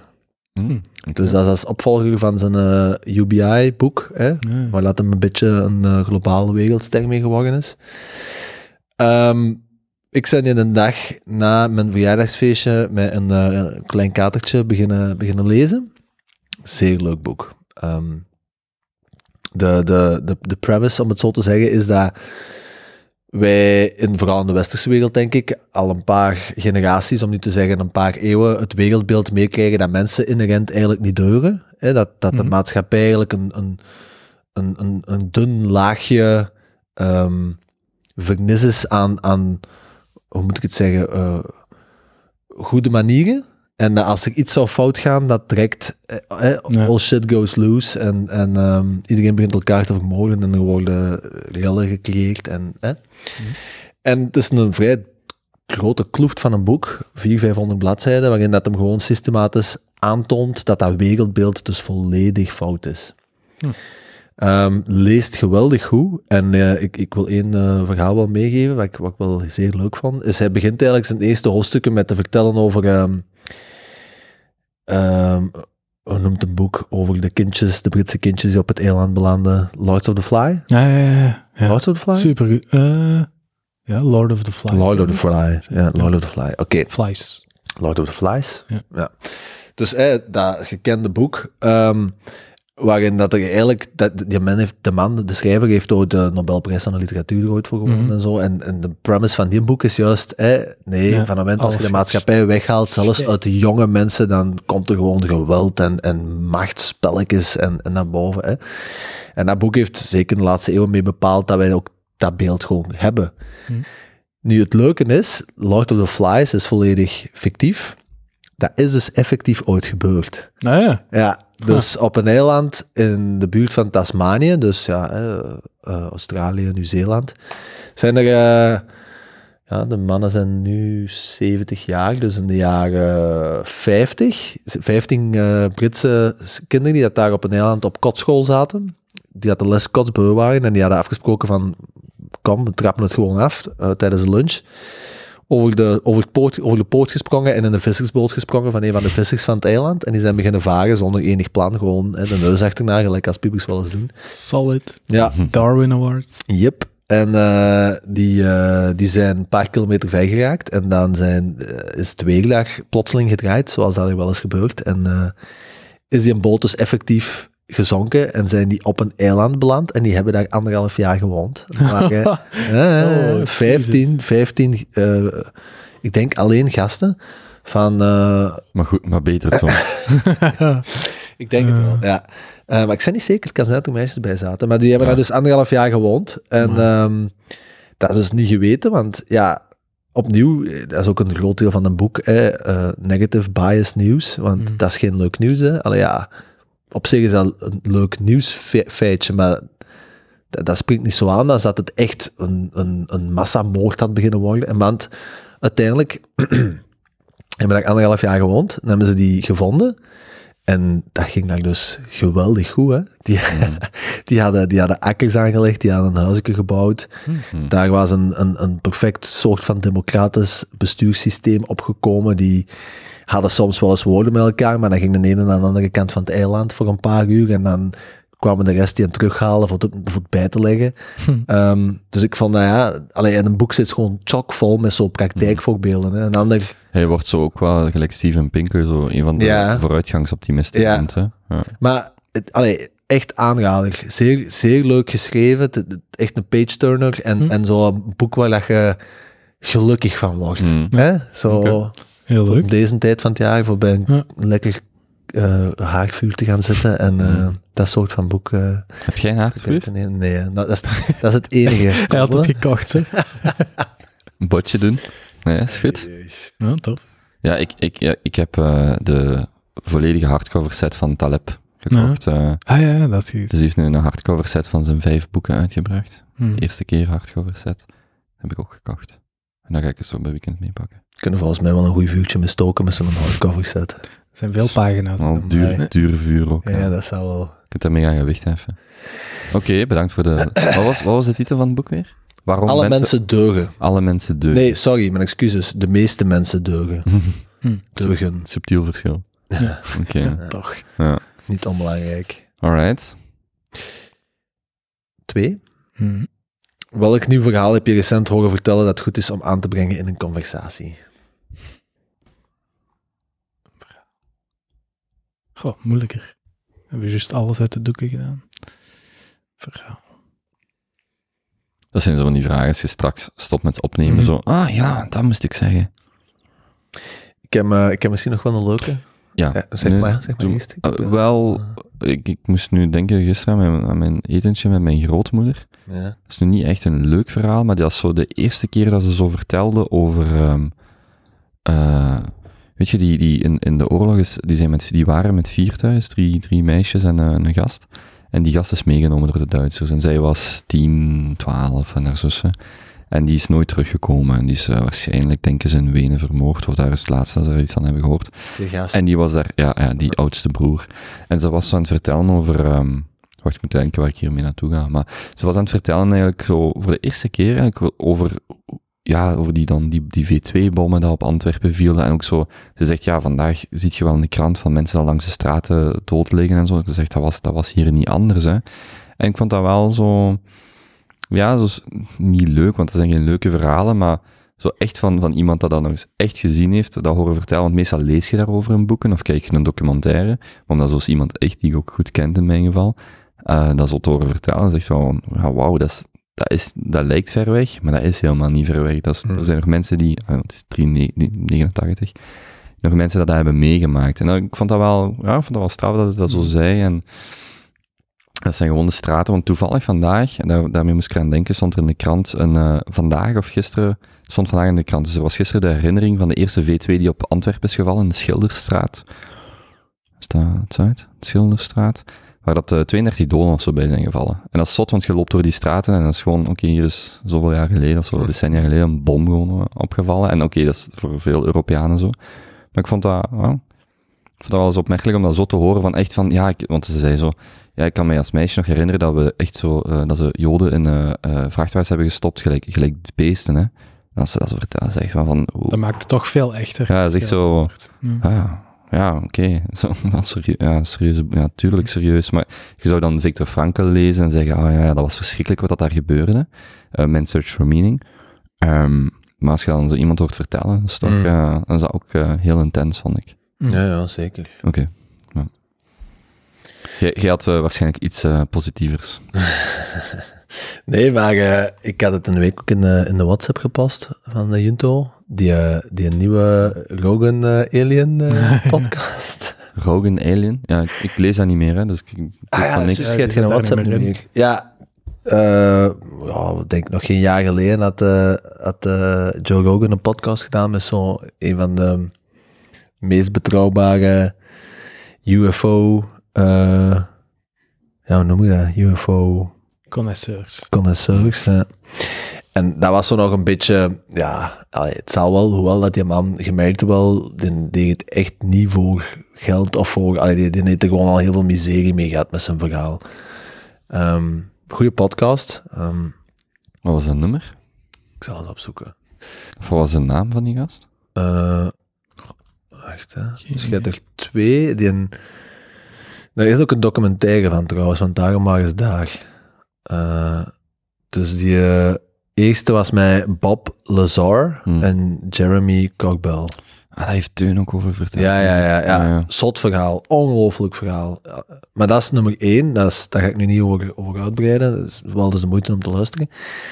Maar dan een week geleden, en dat vond ik wel echt straf, eh, want voor de duidelijkheid, ik, ik ben geen eh, UFO-maniak of zo, of geen tinhead. Maar die vind ik wel echt straf, want die, die van een week geleden, dat is een ex, ehm, ik denk marinier, eh, piloot, eh, die daar echt met de, ja, de zwaarste jets van het Amerikaanse leger kon rondvliegen. Dat zijn toestellen van ja, 100 à 75 miljoen dollar. Mm. Hè. Daar steken ze geen idioot in. Hè. Je moet heel getraject afleggen voor op dat niveau te komen in het Amerikaanse leger. Allee, dat zijn zware mentale, fysieke testen. Hè. En stapsgewijs bouwt dat op. Dus dat zijn geen, dat zijn geen, eh, geen tinheads die dat ze in zo'n vliegtuig steken. En ik kan het verhaal vertellen dat hem eh, twee- in 2004 opsteeg van een vliegdekschip eh, aan de kust van Mexico, aan die kant ergens. En dat hij met zijn co-piloot en een, twee, en een ander vliegtuig, dus met vier mensen, zagen in één keer een, ja, Is dat van dat filmpje dat Ja. ja. laatst gepost werd? Ja, dus die zagen, Ja. die zagen iets, iets hangen op een meter of twintig boven de, boven de, de oceaan. Een, een wit, ja, een wit object, de grootte van een, van een standaard eh, vliegtuig, maar in de grootte van een tic-tac. En dat hing daar gewoon stil. Hm. En ze laten vanuit die, vliegtuig, vanuit die vliegtuigen zo de, een sensorapparatuur daarop beginnen monitoren om te zien van wat komt daar vanaf en welke temperatuur heeft dat spel en ja, welke, welke identificatienummers heeft dat. En daar ging gewoon niks op. En daar kwam geen enkel uitlaatgas uit dat object. Wat super raar is, want alles dat wij kennen dat kan vliegen, dat heeft ja, propulsie, dat duwt, hè, dat, dat, dat meer ja, trust heeft, hè, of dat trust heeft, waardoor dat het kan vliegen. En daar kwam gewoon niks van af. Al die sensoren registreerden geen enkel temperatuurverschil met de omgeving. En dan zijn ze daar dichterbij komen vliegen. En we hebben geprobeerd ja, van dichterbij te, te, te identificeren. Ehm, dat is allemaal gefilmd. En dat vind ik het strafste, en dat is ook waarom ik het aanhaal. Dat is 15 jaar eh, geblokkeerd, classified geweest. Mhm. En dat filmpje staat nu op YouTube en dat is vrijgegeven door het Pentagon. Hè? Ja, Dat is niet een of ander... Allee, crazy. ja, dat is echt het Pentagon Ja. zelf dat dat heeft vrijgegeven. En die man ook, dat is, die is ook helemaal niet ont... Ja, moet het zeggen, als, als crazy aangeduid door Mhm. het Amerikaanse leger. Die, die, de- allee, Amerika zegt eigenlijk nu van ja, dat is gebeurd. En wij weten ook niet wat dat, dat is. Mhm. ah, dat vind ik zo Gingen we Area 51 niet bestormen, Mhm. een van deze? Ja, dat dat, ja, dat was twee weken geleden, denk Dat ik. is gebeurd, hè? Hè, is het gebeurd? Is er iets van gekomen? Ja, er zijn heel veel mensen geweest. Ik heb Echt? me zo wat zien Ja, maar ze hebben ja. daar niks speciaals gedaan. Ja, nee, wat gaat je doen? Ja, Ik heb Ja. het filmpje wel nog niet gezien. ja, ja maar ik, ik heb dat zien voorbij komen. Ja, Ja. ik, vond dat, ik heb het zelfs nog niet afgeluisterd, maar ja, dat is zo wat de essentie van het verhaal. Hm. Allee, het enige dat er nog opmerkelijk aan is, is dat ze kwamen er dan zo dichterbij. En dat zie je ook in het filmpje. Dus ze komen ook dichter, dichterbij. En dat hangt gewoon boven de, boven de, oceaan. En van het moment dat ze er zo dicht genoeg of te dichtbij komen of zo, schiet dat in één keer weg tegen een snelheid dat hem zei van ja, dat, dat kunnen wij gewoon met niks vergelijken van, van wat wij hebben in het Amerikaanse leger. Dat is gewoon, allee, niet met een factor 2, maar met een factor 100 verschil in snelheid. Mhm. En dat vliegdekschip heeft ja, heel uitgebreide sensoren. En die zeiden van, hey, uw, uw boogie, hè, uw ding dat wij ook mee aan het tracken zijn, dat is in één keer weg. En zeiden wij zien het ook niet meer. En dan zo twee seconden niks. En dan twee seconden, ah, wacht, we pikken het terug op. En toen even stilte. En dat hoor je ook echt in dat filmpje. Ah, wacht, het is 65 kilometer verder terug opgepikt. Op twee seconden. Mm. Dat is wel zotjes. Ja, dat- ik vond dat echt... Het is geen goed nieuws, hè. Het is gedaan. hè. Het is fijn om jullie gekend te hebben. Ja, Maar ja. Ik vind dat wel boeiend, want er zijn maar twee mogelijkheden. Ofwel zijn ze 1% slimmer dan ons, en dan is dat zoals wij en apen. Dat is niet zo goed. Ofwel zijn ze 1% dommer, en dan raken ze hier toch niet. Dus het is sowieso niet zo'n fantastisch goed nieuws. Ja, ja of, of een of ander overheidsprogramma waar je gewoon Ja, niks voilà, van als weet. het al iets is. Ja. Ik denk, dat lijkt me nog het. Want ik heb zo onlangs een filmpje gezien van hoe lang het zou duren. Stel dat je met lichtsnelheid kunt reizen door het heelal. Hoe lang het dan nog zou duren voor je ergens zijt. Eh, ja, de kans is zo niet heel dat het iets is. Maar oké. Ja, Ja. dus een aanrader. Ik, Ja. Ze hebben zo dus café YouTube. praat, maar Ja, ja. Maar ik vind dat als het al op film staat en van zo'n dingen, maakt het wel zo juicier. Hè? Ah ja, tuurlijk. En wat voor mij vooral het verschil maakt, is dat het Amerikaanse leger die gast totaal niet in discrediet brengt. Dat die ook niet zeggen van, die heeft bij ons verkeerde dingen gedaan, of dat is een Ja, ja. pakko, of negeert die, want dat is toch hetgeen aan de overheid zou doen in dat geval. En dat dat filmpje gewoon vrij is gegeven door het Pentagon zelf. Ja, ja. Maar ja, zotte verhalen die daaruit komen. Heb je ooit MK Ultra gelezen en zo? Nee. Dat ze met LSD en zo op mensen hebben geëxperimenteerd en volledig... Ja, ja, ja. Want Dat is ook zo, ja, twintig jaar later allemaal bovengekomen dat, oh ja, ja, ja, dat hebben we gedaan. Ja, ja. Ja. Kijk aan. Ja. Tof, hè? ja. Ja. Oh, Als, als jij eh, ontvoerd wordt, mag je dan in uw appartement gaan wonen? Geen houden namen. en echt serieus, hè? Ja, echt echt serieus. serieus. Ik moet je zeggen, dat is niet Maar eens nu van een hè. Dat is echt serieus, hè. Ja. Ja. ja. Ehm, het antwoord is ehm, misschien. Heeft er nog iemand als claim op uw eh, appartement? Shotgun? Nee, eigenlijk, hè? Hij gaat er niet Nee. onderuit geraken, denk ik. Maar dat niet zeggen dat je dat nu shotgunt, dat ik daarmee akkoord ga, hè. Ja, maar als je ontvoerd wordt, denk ik, hè? Ja, ja. Ik moet er nog eens over, moet er, Koben al plannen heeft. ik moet er nog eens over nadenken. Dat is goed. Ja. Alright. Goed. Ehm, dan komen we aan categorie 2. Mhm. Kijk eens aan. Exciting. Je moest zowel geïnteresseerd zijn in mislukken als in succes. Mhm. Vraag nummer drie. Heeft iemand die je kent onlangs gefaald in zijn bedrijf of werk en heb je de oorzaak hiervan gehoord?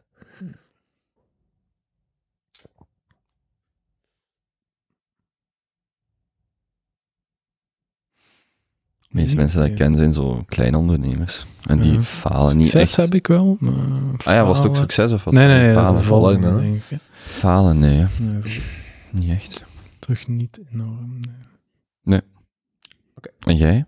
Ik was juist ook aan het denken, ik denk het niet. Hè? Wat ik wel, het is niet echt falen, het is misschien de volgende vraag succes. Ja? Ehm, Volgende vraag. Oké, dus de volgende vraag. Ik dat, zat echt in dat gesprek met Davy, Ja? wat ik iedereen aanraad, dat was een leuk gesprek, ehm, met het idee dat hij zijn bedrijf verkocht had. Ik denk wij allemaal. Ah, En ik, dacht echt, die heeft 10, 20, 30 miljoen, weet ik veel, hè, maar gewoon genoeg om, om, om niet meer over geld te moeten na, moeten na te denken. Ehm, maar dat was helemaal niet zo. Ik schot er ook van. Dat Ja. dacht ook net in. eh, Ja, ik dacht, en ik denk dat hij wel, want hij zei zo, ik heb nog 10% of zoiets van nadeel, dus die zal stelselmatig wel verkocht hebben en, en die zijn peertjes zullen wel gebakken zijn, denk ik. Maar niet, niet, ja, maar niet in de zin van, ah, een grote exit, België doet exit in San Francisco, dat je denkt, ja, het gaat over heel veel geld. Ehm, dat wist ik helemaal niet. Maar ik vond, ai, ik vond dat wel, Maar het wil niet zeggen dat hij, want ik denk dat hem sprak over 5%. ja, ja. Als dat een, eh, een venture-backed eh, bedrijf is, wat dat is, hè, die hebben VC-geld Mhm. opgehaald, is dat niet onrealistisch dat je als founder na kapitaalronde C met 5% overblijft. Hè? Ja. Nee, nee, maar ik dacht dus echt dat hem gewoon er volledig was uitgestapt. En dan met een paar miljoen op zijn rekening, even hier en, en dan wat iets nieuws beginnen. Maar dat was niet, ik wist dat helemaal Dat mocht je vaak ook niet zomaar. Hè. Al word je uitgekocht, dan nog moet je zoveel jaar blijven en dan Ja, naar ja, board ja. gaan. En Maar, dan pak dan nog dat hem een jaar geleden verkocht. Ik, dacht- ik dacht dus, die heeft dat een jaar of twee jaar geleden Ja, verkocht, wanneer het ook was. En dan heeft hem dan misschien nog even gewerkt en nu is hem terug. Mhm. Maar dat was niet. Maar Mhm. ja, is wat.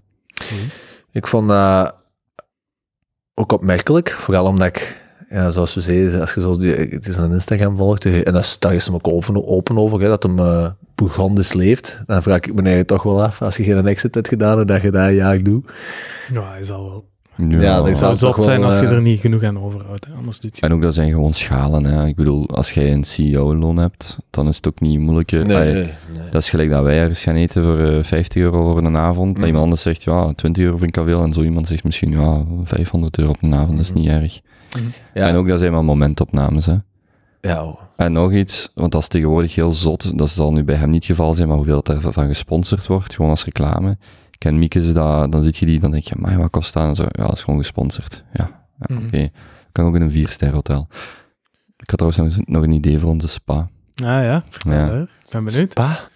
Oeh, hebben we dat nog niet uit de doek Hebben we dat nog gedaan? niet, ehm. Ons boys weekend, boys to Ah, wel, ah, wel, omdat Jonas eh, plannen heeft volgend jaar, eh, waar wij nu van plan om nog, een, nog, een, ja, nog eens samen iets te doen. En ja, Ja. ja, Een weekend nee, nee, spa? nee, het wordt beter, het wordt beter. Hij begint het te snappen. Dus, dus, ehm, dus we hadden afgesproken een avond. En we zeiden, kijk, en Jonas zei van, Ja, of ik vroeg, hè. en Jonas vroeg of het ging erover was ons budget. En het punt was, ja, we willen nu niet, ik weet niet wat geld uitgeven. Dus pak 500 euro. En dan waren we zo aan het spreken van, ja, waar Voor een zou... weekend. Maar luister, nee, voor een weekje of zo. Ah. En dan waren we zo aan het zien van, ja, wat zijn coole locaties waar het anders niet gaat. En dan kwamen we bij Libanon en bij Georgië. Maar toen kwam, we hebben er even over gesproken, maar dan kijk je naar die vliegtuigtickets en jada jada. Je zit eigenlijk heel snel aan 500 euro en je zit weer gelijk een student aan het reizen, alles Ja. zo goedkoop mogelijk Mhm. in Libanon. En de hele tijd rondchasen. En Ja. Een hostels met 12 man in een kamer, en dat heb ik echt al... echt oud. Hè. Wow. Ja, maar ik heb dat al zoveel gedaan dat ik, Ja. ik vind dat niet erg om dat eens te doen, maar dat hoeft niet meer per se. Hm. En toen kwam dat ter sprake van, in plaats van nu weer op een budget langer te reizen, vijf, zes, zeven dagen, waarom gaan we niet gewoon een paar dagen ons echt amuseren? En dan en dachten we, wel, met 500 euro, 1000 euro van ons twee, wat kunnen we dan doen dat we graag deden, dat we, dat we leuk vinden? En dus ik herinner mij dan nog van in Oostenrijk, al die warme, die warmtebronnen. En ik zeg, wat denk je als wij met ons twee naar zo'n kuuroord Ja. gaan voor twee, twee of drie dagen? en ik begin dat op te zoeken. Ja. En het eerste wat ik zie zijn zo van die super romantische foto's. Overal En- roze Ja, blaadjes. en, het, en ik denk, ja, dat, dit moeten we doen, hè. Zo super romantisch, zo'n dubbel bed. Eh, In de, vorm, eh, in de vorm van zo'n hartje daar rond te met zo'n zwaantje op en zo. Met, spiegels aan het plafond. Ja, je moet, je- ja, maar je moet je dat eens opzoeken. Je vindt echt schone dingen. En nu is zo het ja. idee om, om dat dan te doen en last Ja, iets, iets, iets te zoeken. Nu, ik ben wel stelselmatig aan het kijken en we wilden dus eigenlijk zo Oostenrijk-Zwitserland, dat was het idee. Eh, witte bergen in een zwembadje buiten. Ja, Samen, in, samen in de jacuzzi. ja, handjes vasthouden. Ja. In de jacuzzi, Niet alleen ja, handjes. Zeker, warm waterbad. Ik ben, ik ben eh, in februari dit jaar... Niet kloppen op die tafel. Dat maakt te veel lawaai. Ik ben dit jaar in februari eh, van Wenen naar Zurich gereden met de trein. En dat was volledig besneeuwd. Dat was zo mooi, die treinrit. Ja, dat neem ik. Dat als hij dan langs mij zit, in zo'n warm waterbadje, verrimpeld, na een aantal uur tussen de, in de bergen, tussen de sneeuw. Hmm. Ik ga wel engeltjes Zalig, eh, maken dan met hem eh, Oh, in de sneeuw. in de sneeuw. Maar dus, dus eh, ik was daar eh, met iemand over bezig. En eh je zou, we zouden zelfs ook naar Spa in België kunnen gaan. Dat is dan niet hetzelfde. Mm. Da- Daarmee dat ik eraan aan het denken was. ja, we moeten wel echt eens iets vastleggen. Ja, want voor wel- last minute, ik heb al gezocht, maar je vindt dat toch niet zo gemakkelijk als ik, als ik Hm. dacht. We willen dat in november doen, als het al wat goed koud is. Ja, dan, eh, dat, is, dat, is, dat is toch leuker als in oktober, als het zo wat kouder is. Bij een haardvuur. Ja, dus wij gaan met ons Gezellig twee... boekjes lezen, hè? Je hebt Ja. een hele literatuur bij. Ja. Kunnen we een hardcover set meepakken? Dan zit die valies ook in één geval. Maar wel. ja, maar en, en we hebben een auto en eh, we hebben tijd. En we hebben 500 euro. Dus dan, moeten we wel zoeken dat je iets deftigs hebt waar dat ook allemaal in zit en alles wat je wilt. Grappig aan het horen, jongens. Hoe zijn we hier gekomen vanuit een succesverhaal? Ik vind het best een succes. Ja, is- oh. Vergeet ook zeker dat niet uw vibrators mee te pakken. Ik ga de grenzen van zijn eh, heteroseksualiteit testen. Ik, ik, ga, ik ga tegen mijn logopedist... Ah, ja. En hier ging het helemaal over. Ik ga tegen die logopedisten zeggen van, ja, die vibrator ben ik toch eh, kwijtgespeeld. hè. En dan zo de week daarna, ah, ik heb hem terug. Nee, maar dat komt wel goed. Ja, ja Wordt leuk. Aan het worden. hè? zeker. Misschien doen we daar een podcast. Samen Ja, wat, Vanuit het zwembad. Bubbel, bubbel, bubbel. samen wat logopedie oefeningen doen in de bergen. Mm. Mm. Stemopwarming. Ja, ja, ja. ja. Die, die, die jukbeentjes gaan trillen. Ja. Kerel. Het ging allemaal goed, nu gaan we helemaal naar beneden. Ja. Oké, oké. Ik had ook nog een succesverhaal. Hè, gewoon doorbomen. Ja. Van een collega eigenlijk. Hè. We hebben het allemaal zo wel eens gehad over zo ah, dropshipping, Shopify dingetje doen, niche product. En die heeft dat echt gedaan. Dus het is, het is geen gigantisch eh, succes. Maar eigenlijk heel grappig. En ook zo, hij is iets jonger, maar heeft dan een kameraad die iets ouder is. En wat, wat doen die nu? Die hebben een of andere goudsmit gevonden in Italië. En die maken baby sieraad armbandjes. That's it. Gegraveerde armbandjes met zo de naam van uw baby in. Gegraveerde bedoel Ah, ja, ja. Uit Italië. Ja, dus, dat, dus het is wel echt, ik wil zeggen, tussen de 160 en 250 euro voor een armbandje. Eh, en zij zijn eigenlijk de enige die je tegenkomt, denk ik, als je googelt op eh, ja, baby-armbandjes in het Nederlands. Dan is de eerste Google-ad, hè. De eerste Google-ad is van hun. En het is niet dat die daar rijk mee worden, maar het is wel dat dat zo wat begint te lopen. Ja, het ding is, mensen, ik heb eh Ik denk dat het. Ik weet- Ik weet baby-armbandje niet of je dat gaat vinden, Benny. Ik heb van die adblockers allemaal op staan. Maar ehm, dat is wel iets, ja, een babycadeau, dat mag wat geld kosten. Allee, meestal. Dat was het dan 100, 200 euro. Als, je, als de adblocker, als je Ja, niet doe eens in? Safari. Nee, doe, doe eens in Safari. Hmm. Dan gaat je het misschien wel vinden, het. Ah, toen En dat is een collega van u dat dat is gestart. Ja, ja, ja. Allee, samen met dan iemand anders. eh, ja, gewoon zo echt, ja, zoals wij het zouden doen, een simpel websiteje, beetje een supply chain opgezet. Als ze genoeg orders hebben. Ze hebben nu wel wat stok liggen en dan graveren ze het hier. En, Ja. en natuurlijk... Gravure? Hm? Gravure? Goh. ja, dat zou wel kunnen. Ik weet niet meer wat. Boom. Ja. Ja. Niet uit, hè. Ik zal Dat is een beetje gelijk dat verhaal van die Gemini of Gemini Ja, of ja, eh, voilà, ja. die twee broers of Ja. eh, twee gasten. Maar dus Oh, die, die, die, die maakt een website, Mhm. daar komen orders op, en die orders gaan rechtstreeks van die producent naar die klant. Dus hij heeft er eigenlijk echt geen werk mee. Nee, nee, nu is het nog dat zij echt zeggen van we bestellen 50 van die gouden armbandjes gewoon zonder iets aan van die een Italiaan. Hè? Hm? Doen En daar dan hebben ze natuurlijk van die fancy foto's van die kerel in een smid. Uiteraard. Eh, Uiteraard. en dan hier hebben ze een graveermachine staan. Ehm, of die hebben ze van ergens geleased. Ik weet niet hoe dat juist zit. Ik kan het dus vragen. En dat doen ze dan wel hier. Dus als ze een naam krijgen, graveren ze het en dan wordt dat gewoon Hmm. Ah, opgestuurd. ja. Dus hij moet gewoon Dus zelf, nog- hij moet zelf gewoon nog Ja, graveren. Maar eh, Ja. voor de duidelijkheid, het gaat hier over misschien, ik zou wel zeggen, een tiental bestellingen per maand zal al veel zijn. Ja, maar maar, ja, maar dat toch, is het loopt en 1000 verdienen euro per Ik heb maand. die blouse dat ik hier heb liggen met mijn, eh, met mijn handtekening op, dat is zo volledig gedropshipped. Hè. Als nu iemand naar de Mhm. website heeft besteld, dan wordt, ik kreeg eh, daar gewoon een notificatie van en dat wordt opgestuurd. Maar is die, dat die met die graveren, 30 dagen die borduren. vanuit China? Nee, nee, dat is vanuit eh, Estland. Dus als iemand bestelt, jij hebt daar letterlijk geen werk mee. Gewoon, je krijgt een notificatie. Ja, Ja. geld. Mhm. Ja, nee, dat is niet waar. Ik heb werk met het helemaal op te zetten, te testen. Ja, De ja, marketing, hè? Ja, Ja. ja. Marketing Ja. is altijd. Dus als nu iemand, naar- ik denk kobe.show slash store, daar, daar vind je dat. Ja, Nee. niemand, Goeie- goeie niemand gaat dat kopen. Goeie plug. Maar je zegt dan gewoon, ik denk dat het voor mij 20 euro kost, die, die, die, die sweater. En dat ik het voor 55, 35, maar die pakken dan een percentage nog. Dat is een beetje gelijk bij Amazon. Je krijgt dan Mhm. 60% van de prijs dat je extra vraagt. Het is Ja. Al dan nog niet met shipping en bla bla. Ik vind dat wel zo'n dingen zijn leuk, Ja, maar dat als je zoiets vindt. leuk om te hebben. Hè. Ja. Ik ben ehm, een vriendin van mij, die... eh, nee, wacht, ik moet... ehm, nee, ik kan dat niet. Nee, dat is voor de volgende keer misschien. Nee, nee, nee, kan. Leg het maar gewoon op tafel. Ehm, ik heb... eh, oh, nee, wacht, hè. Oeh, dit wordt juicy. Nee, het wordt helemaal niet juicy. Ik moet gewoon eh, oppassen wat ik zeg. Juicy gaat alle aankomende avonturen Die gaan ze de- live kunnen volgen in op Instagram. Alpen. nee, nee, nee. Dat, nee, zo juicy wordt dat niet. Alhoewel. eh, ehm, nee, nee, nee, nee. Ehm, doe maar de volgende vraag. Alle Kobus, zeg kom aan, dat kunnen we dat toch niet doen. Dat is echt A, B en C en dan stoppen. Ja, maar het gaat over iemand die iets doet wat ik cool vind. Ja, eh, binnen de mode. ja. Ehm, maar hoe meer ik daarover vertel... Nee, maar ik wil daar nog niet over vertellen. Goed. Voilà. Goed, klein beetje lame, maar oké. Laat mij een weekje in uw appartement en dan zal ik het u eh, vertellen. Dat wordt de rode draad. Hè. Ik Ja, kort oké. kijken, want als ik zo eens op mijn raam kijk, dat je daar zo Ja. een beetje zit te lurken. Of hij zit in een jacuzzi in uw appartement, alles dan niet. Waar heb je die jacuzzi bij u staan? ik heb geen... Heb je... Oh, Op alle duidelijkheid, ik heb geen Ja. op je terras. Zo'n opblaasbaarheid. hè. Ja, Is uw terras groot genoeg voor een jacuzzi? Nee, Kobe, mijn terras Voor uw volgende verjaardag. niet Ja, ja. groot genoeg voor een Zo'n jacuzzi. glasje champagne. Had jij een lichtbad? Oké, volgende vraag.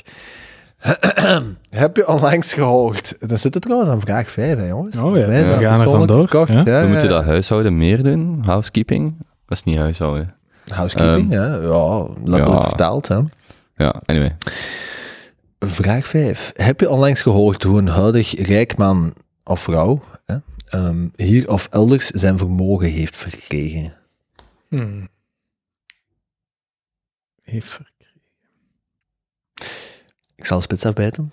Ik, eh, ik ben dit weekend ehm, op, eh, op ondernemingskamp geweest, als ik het zo Mhm. mag omschrijven. Ehm, eh, we, zijn, we zitten bij, met het bedrijf met netwerk ondernemen. Ik weet niet of je die organisatie Mhm. kent. Ja. Ja, en die doen zo het Boost Me-programma. Dus als, eh dan krijgen we gedurende een maand of drie als, als co-founders of als founder van een bedrijf mee opgenomen in een, in een programma. ehm, een heel breed programma om u te begeleiden, om de volgende stap te zetten in uw organisatie of zo. En dit weekend was het eh, dat wij van donderdagochtend tot zaterdagavond met die groep eh, workshops, heel dag workshops, van 8 uur tot, tot 7 uur s'avonds, ergens in de, in de Limburg trouwens, Nee. jongens. Ja, ja, ja, tussen de fruitbomen, tussen de fruitgaarden. Porgloon. Ah, Ja, is dat zo? Dat, dat weet ik niet. Ah ja, oké. Ik weet het niet. Ja, dat kan. Hm. Ehm, en er was een man komen spreken. Ehm, je, je, kent de, je kent het bedrijf misschien wel. Eh, All Things Talk, Hmm, IoT-bedrijf. Ja, dat kun- ja, jawel. Ja, ja, ja. Dat zegt me wel iets. Goh. Wie was die gast? ooit mis. Ja, ik, ik weet het Ja, niet. Ik kan, kan hem misschien ook niet benoemen. maar Maakt hij Hm. En ik kwam vertellen over ehm, eigenlijk zijn ganse traject van, van dat hem die organisatie had gestart Mhm. tot eh, zijn exit, een half jaar geleden. Ehm, was razend interessant, moet ik zeggen, omdat zo is, het was eigenlijk de eerste keer dat we zo echt is. En je, ja, dat was een hele, was zo'n een, een, ik zal, zeggen- ik zal zeggen, meer het Bill Gates type van ondernemer als het Richard Branson. Dus de introverte, eh, hoge eh, IQ type van Hmm. persoon. Maar die had dus super duidelijk, zo elke stap, heel, ja, logisch ge- ge- gecatalogiseerd of zo. En die had dat gewoon op een uur of twee dat zo helemaal uitgelegd. Fascinerend. Ja, was heel interessant. Ehm, en eh, ja, ik denk dat het grappigste, of het raarste vond ik eigenlijk aan heel die situatie, dat die, die heeft dat bedrijf op, op vier jaar uitgebouwd. En vanaf dag één ook echt gewoon beslist samen met zijn, met zijn co-founders van we willen er op zoveel jaar uit. En ook echt vanaf het begin gewoon stap per stap geïdentificeerd van op dit moment eerste seed-ronde, dan eerste ronde A, dan ronde B. En, Amai. en die heeft dat, die heeft dat plannetje dat hij heeft neergeschreven in het begin met zijn van gewoon op de letter gevolgd. En ehm, ik vond dat zeer indrukwekkend dat dat kan. Eén. Mhm. Eh, deze belangrijkste lessen waren, eh, dat was ook wel interessant, hij zegt dat, dat, dat financiering zoeken, ehm, dat daar eh, zo heel veel tralali en tralala wordt rondgedaan, maar hij zegt in essentie is dat echt gewoon een, een straatgevecht. Hm. Dat, dat, ze- hij zei echt, dat is gewoon, dat is keihard. En vooral met, met de, de venture capitalisten van deze wereld, hij zei dat, dat je wordt, als je niet oppast, ehm, ja, gewoon erbij genaaid. ja. En iedereen kijkt zijn eigen blind op valuaties. En mijn bedrijf heeft deze valuatie. En ik moet maar zoveel procent van uw aandelen afgeven. En, zei, en ze smeren uw valuatie, valuatie. En ze, gaan doen, ze doen alles. En ze gaan keihard doen. En als je niet oppast, dan daarna krijg je een, een termsheet, noemt dat dan. En. Daar Jij zo de het- onderste oh, rang. hij zei, dat wil jij niet Ja. weten. Hij zei ook de, de belangrijkheid van een goede ju- jurist naast u te hebben, die dat je zei, hij zei, je moet hem echt bezien als familie quasi. Dus het moet echt iemand zijn met dat niveau van vertrouwen. Hij zei dat zonder zo iemand, als ondernemer, kunt je dat ook gewoon amper doen. Mhm. Dat geloof ik graag. En hij zei, je moet die mensen ook gewoon klaar hebben vanaf het begin. Want eh, dat vond ik ook zoiets heel frappant. Hij zei, op het einde van dat traject dus, hè, hij heeft dat dan verkocht aan gigantisch Europees bedrijf. En die doen dan een, een, een due diligence. Hè, dus dan gaan Ja. ze heel die boeken binnenste buiten keren. En hij zei ook, dat is ook zoiets, als je op dit moment niet vanaf dag één alles perfect hebt gecatalogiseerd en met de juiste, ehm, ja, termen net benoemd in uw mailbox als je mails gestuurd en, en al zo die. Hij zei, dan ga ik daar ook gewoon niet meer uit. Mhm. Ehm, maar voor hem is dat dus goed verlopen. Ehm, en eh, ja, die moet nu, dus, dat was van ook frappant, hij moet nu nog, denk ik, drie jaar, heeft hem eh, zich gecommitteerd om, om Als CEO of ja, als CEO. En om, om ehm, de organisatie goed, ja, hoe moet ik het zeggen, ehm, binnen te brengen in de nieuwe organisatiestructuur. Mhm. Maar ik had er nog nooit over nagedacht, want wat, wat zijn rol nu eigenlijk is, is ja, buiten natuurlijk het feit dat, ze, dat moet blijven groeien en dat, dat de verkoopcijfers moeten, moeten blijven eh, naar boven gaan, is zijn belangrijkste taak om die verschillende business units die hij heeft, eh, heeft ehm, samengesteld, is development, is het commercieel, is het eh, finance, is het legal eh, van zijn bedrijf, om die gewoon systematisch mee te laten opgaan in die grotere structuur. Dus zei, is eigenlijk een heel raar iets, maar dat is super marktconform, dat jij, jij je verkoopt je bedrijf aan zo'n grote wat, maar daarna dan nog een paar jaar te moeten blijven om het eigenlijk Weg te zien. weg te zien gaan. Mm. Letterlijk. Opgenomen. En ze wilden ook echt dat jij dat doet, want er is niemand die dat daar beter voor Mhm. eh, ja, gepositioneerd is of zo. Mm. Maar ik vroeg aan hem ook van, is dat dan geen super raar gevoel? Want jij hebt juist eh, bloed, zweet en tranen en, en jaren gebouwd om, om die organisatie daar, daar neer te zetten. En dan verwagen ze eigenlijk aan u, of verwachten ze van u, dat je hem daarna Terug uiteen. terug uiteenhaalt. Die eh, Sam Rieder van Jazzweek, dat ik onlangs nog gesproken heb, die vertelde ook. Dat is nu ook, die zijn eerst overgenomen, dan hadden ze er nog zelf aandelen in, denk ik. En nu terug door een veel groter bedrijf. En dat is letterlijk, ja, je hebt nu een jaar om dat in te passen in dat andere bedrijf. En de Kickstarter en hoe dat jij dat allemaal deed, dat was allemaal schattig en lief. Maar nu is het ja, deel van, van een ander geheel. Ja. Het is wel cool dat die gasten waar dat je het over hebt, dat dat echt zo planmatig, Ja. zo, zo en zo en zo. Ik vond dat ongelooflijk indrukwekkend. Dat is. En eh, ik moet ook zeggen, het heeft me een zekere... ehm, Binnen vijf jaar exit. nee. Ehm, eh, Drie jaar. En- Ja, wij hebben al een landgoed en een bibliotheek. En hij moet eh, op, dan op, zoek naar een volgens, groter volgens appartement. Kopen heb ik al het beste appartement van het westelijk halfrond. Dus. Ja, uw, uw huurprijs is naar, Allee, maar- Kopen, het is goed. Ehm eh, waar was ik nu, waar waren we nu over bezig? Geen opnemen idee. van- Waar, waar waart je eigenlijk over bezig? Nee, nee, nee. Waren- Het ging het over dat ah ja, dat ik, dat ik, dat ik een gezonde eh, voorzichtigheid toch wel heb gekregen van die gast als het gaat over financiering door echt professionele Maar ja. Hmm. investeerders. Heb jij zelf niet eens een keer verteld van een onderhandelaar of zo? Ik weet ook niet of je over wilt vertellen. Maar ik, ik Ja. herinner mij een verhaal dat jij zo zei van... Het ging... Dat jij om het sales breed, mee ja, breed houden, dat jij had iemand erbij zitten dat heel goed was in wat hem deed. En dat je zei dat je er buiten kwam van, wauw, zo had ik het nooit kunnen verkopen of onderhandelen. Ik weet niet wat juist was. Maar je hebt daar zelf ook eens van verteld, dat je dan naar rechts staat te kijken van, wow, die gasten die weten waar ze mee bezig zijn. Ja, ja, ja. Hm. Maar, ja, continu. Ja, Ja. Inside keuken. Ja. Maar ja, dat is bij ons nu ook. eh Sentience heeft een grote injectering gekregen. En dan is er een optie, dat is allemaal publiek. ehm, dat wij volledig worden uitbetaald. Hè. Wij, de investeerders volledig worden uitbetaald. Eh, en dat is nu. ik dacht dan eerst, oké, dat is nu al vijf maanden bezig. Dat, die echt, dat er op ons kantoor alleen al vier tot vijf man zitten. Gewoon met boeken en papieren en dit en dat. En ik zeg dan, maar jongen, al vier, vijf maanden bezig. En die zegt, nee, nee, dat is al van sinds ik hier ben, hè, dat ik me daarop aan het voorbereiden ben. Onze, ja, wat is dat, VP Finance-achtig iets. Dat die gewoon, ja, dat is dus al jaren gewoon aan het opbouwen naar al de papierwinkel uitklaren. Goede mensen zoeken om dat in zijn baan te houden. Komt veel bekijken. Dat was dus de boodschap dat ik, dat is, dat is de strafste boodschap dat ik ook had meegekregen van die gast. Van, Ja. Dat is echt een traject. Als, jij, als dat je plan is om een bedrijf te doen, venture-backed, met een exit op zo, als je dat niet vanaf het begin op het voorbereid, Mhm. dan heb je gewoon... Mm. Want als een spelletje is, zouden we nu zo lang mogelijk bikken ook in Ah, dat ja. traject. En, en dat vergt, ja, dat vergt een paar FTE's, hè, fulltime mensen die dat daarmee bezig zijn. En uw, uw cashflow gaat gewoon naar beneden. Hè, en ze zetten die schroef steeds harder op Mm. u en steeds harder op u. Want hij zei ook van, ja, dat was een goed runnend bedrijf en die hadden misschien een man of dertig op een duur. Mhm. Maar hij zei voor die case van die internationale eh, gigant, allee, het, bedrijf dat hij heeft opgekocht, die hadden 115 juristen die daar bezig waren met die deal. Jesus. En dan Ja, hij ja. zei, ja, wie was dat bij ons? Ik en onze Ja, ja. finance. En dan mist je één zinnetje en dan hangt je eraan. Ja, dat is ongelooflijk, hè. Nou, fascinerend.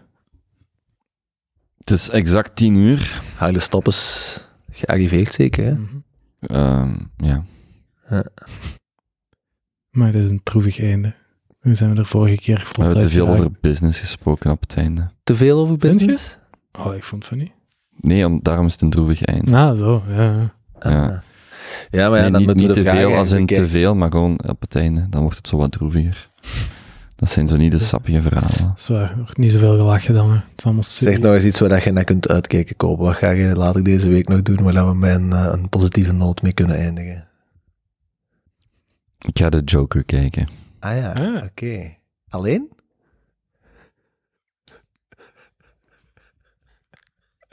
Naar mij moet je niet kijken. Ik weet niet waar het over gaat. Maar ehm, Dat zit de mekker als ik over zijn appartement... Echt, hè? Als ik, als ik zijn lamp wil kopen, dan is het stop, jongen.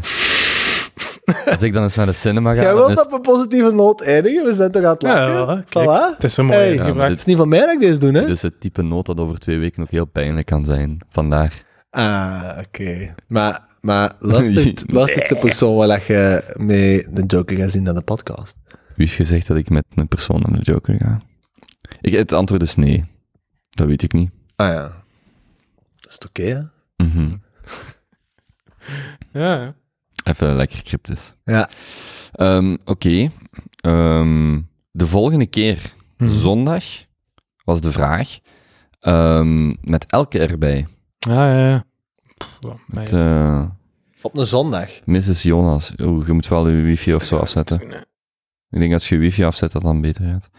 Ehm, ja, dus in plaats van maandag op zondag. Ik weet niet of ik u dat al heb Zo eens gestuurd. eens bekijken. hè. Ja, maar dan zou dus eh, elke eh, meekomen. De vrouwelijke toets. Mhm. Ja, dat Nog we... een zoetgevoisde stem erbij. Amai. Twee SMR-talentjes. Mm. Hey, ja, ja. Oei, oei, oei, oei. Als we daar maar aan Maar kunnen heb jij komen. nog een micro? Ja, ja, ja, ja. Ik heb nog zo een. Ah, juist, ja. Ja. Dus kijk, jullie krijgen twee diepe microfoons. Mm, Zalig. Ja, Maar dan moeten mijne wel op de diepe stem zetten. Mm, ja dat gaan we doen. lekker. Oké, Top. dan eh, bedankt voor een eh, nieuw uur en 40 minuten. Ik ga zien of de video heeft gewerkt. Mogen we de video publiceren, Benny? Nee, Oeh, Hmm, natuurlijk wel. Oké. dat komt direct online nu. Eh, ja, ik denk dat dat voor... Maar dat gaat wel wat langer duren met die video, ja, niet? Waarschijnlijk. Hm. Maar ik denk dat, dat die, die audio gaat snel. Die video zal wel langer duren. Ja. Oké, Top. goed. Wil jij nog een outrootje doen komen? Ja, ik zou, echt, ik zou het echt appreciëren als elke die outro doet. Gelijk dat ze dat toen deed. En dat, Dat jij de intro alle doet. plezier doen. Maar dus, Kobe outro. Ik heb hem de vorige twee keer al gedaan. Nu is dat niemand anders, hè? Ja, maar er is maar één... eh, er is maar één iemand hier met uw stem, hè. Kan zich er toch zo goed uitlullen, hè? Dat is niet te doen. Al die jaren van training. Oké, Hmm. dan niet. Dan eh, eindigen we hier. Zal, zal ik het... eh, t- t- t- t- t- en- en jij moet zingen.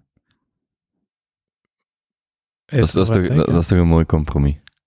Ik zal een en jij zingt. Nee, het was andersom. Nee, nee, het is daar, het is niks. Oké, laat ons dan gewoon ik... en jij zingt. Oké, dan gaan we hierbij afsluiten. Ciao, kus. Bye, kids.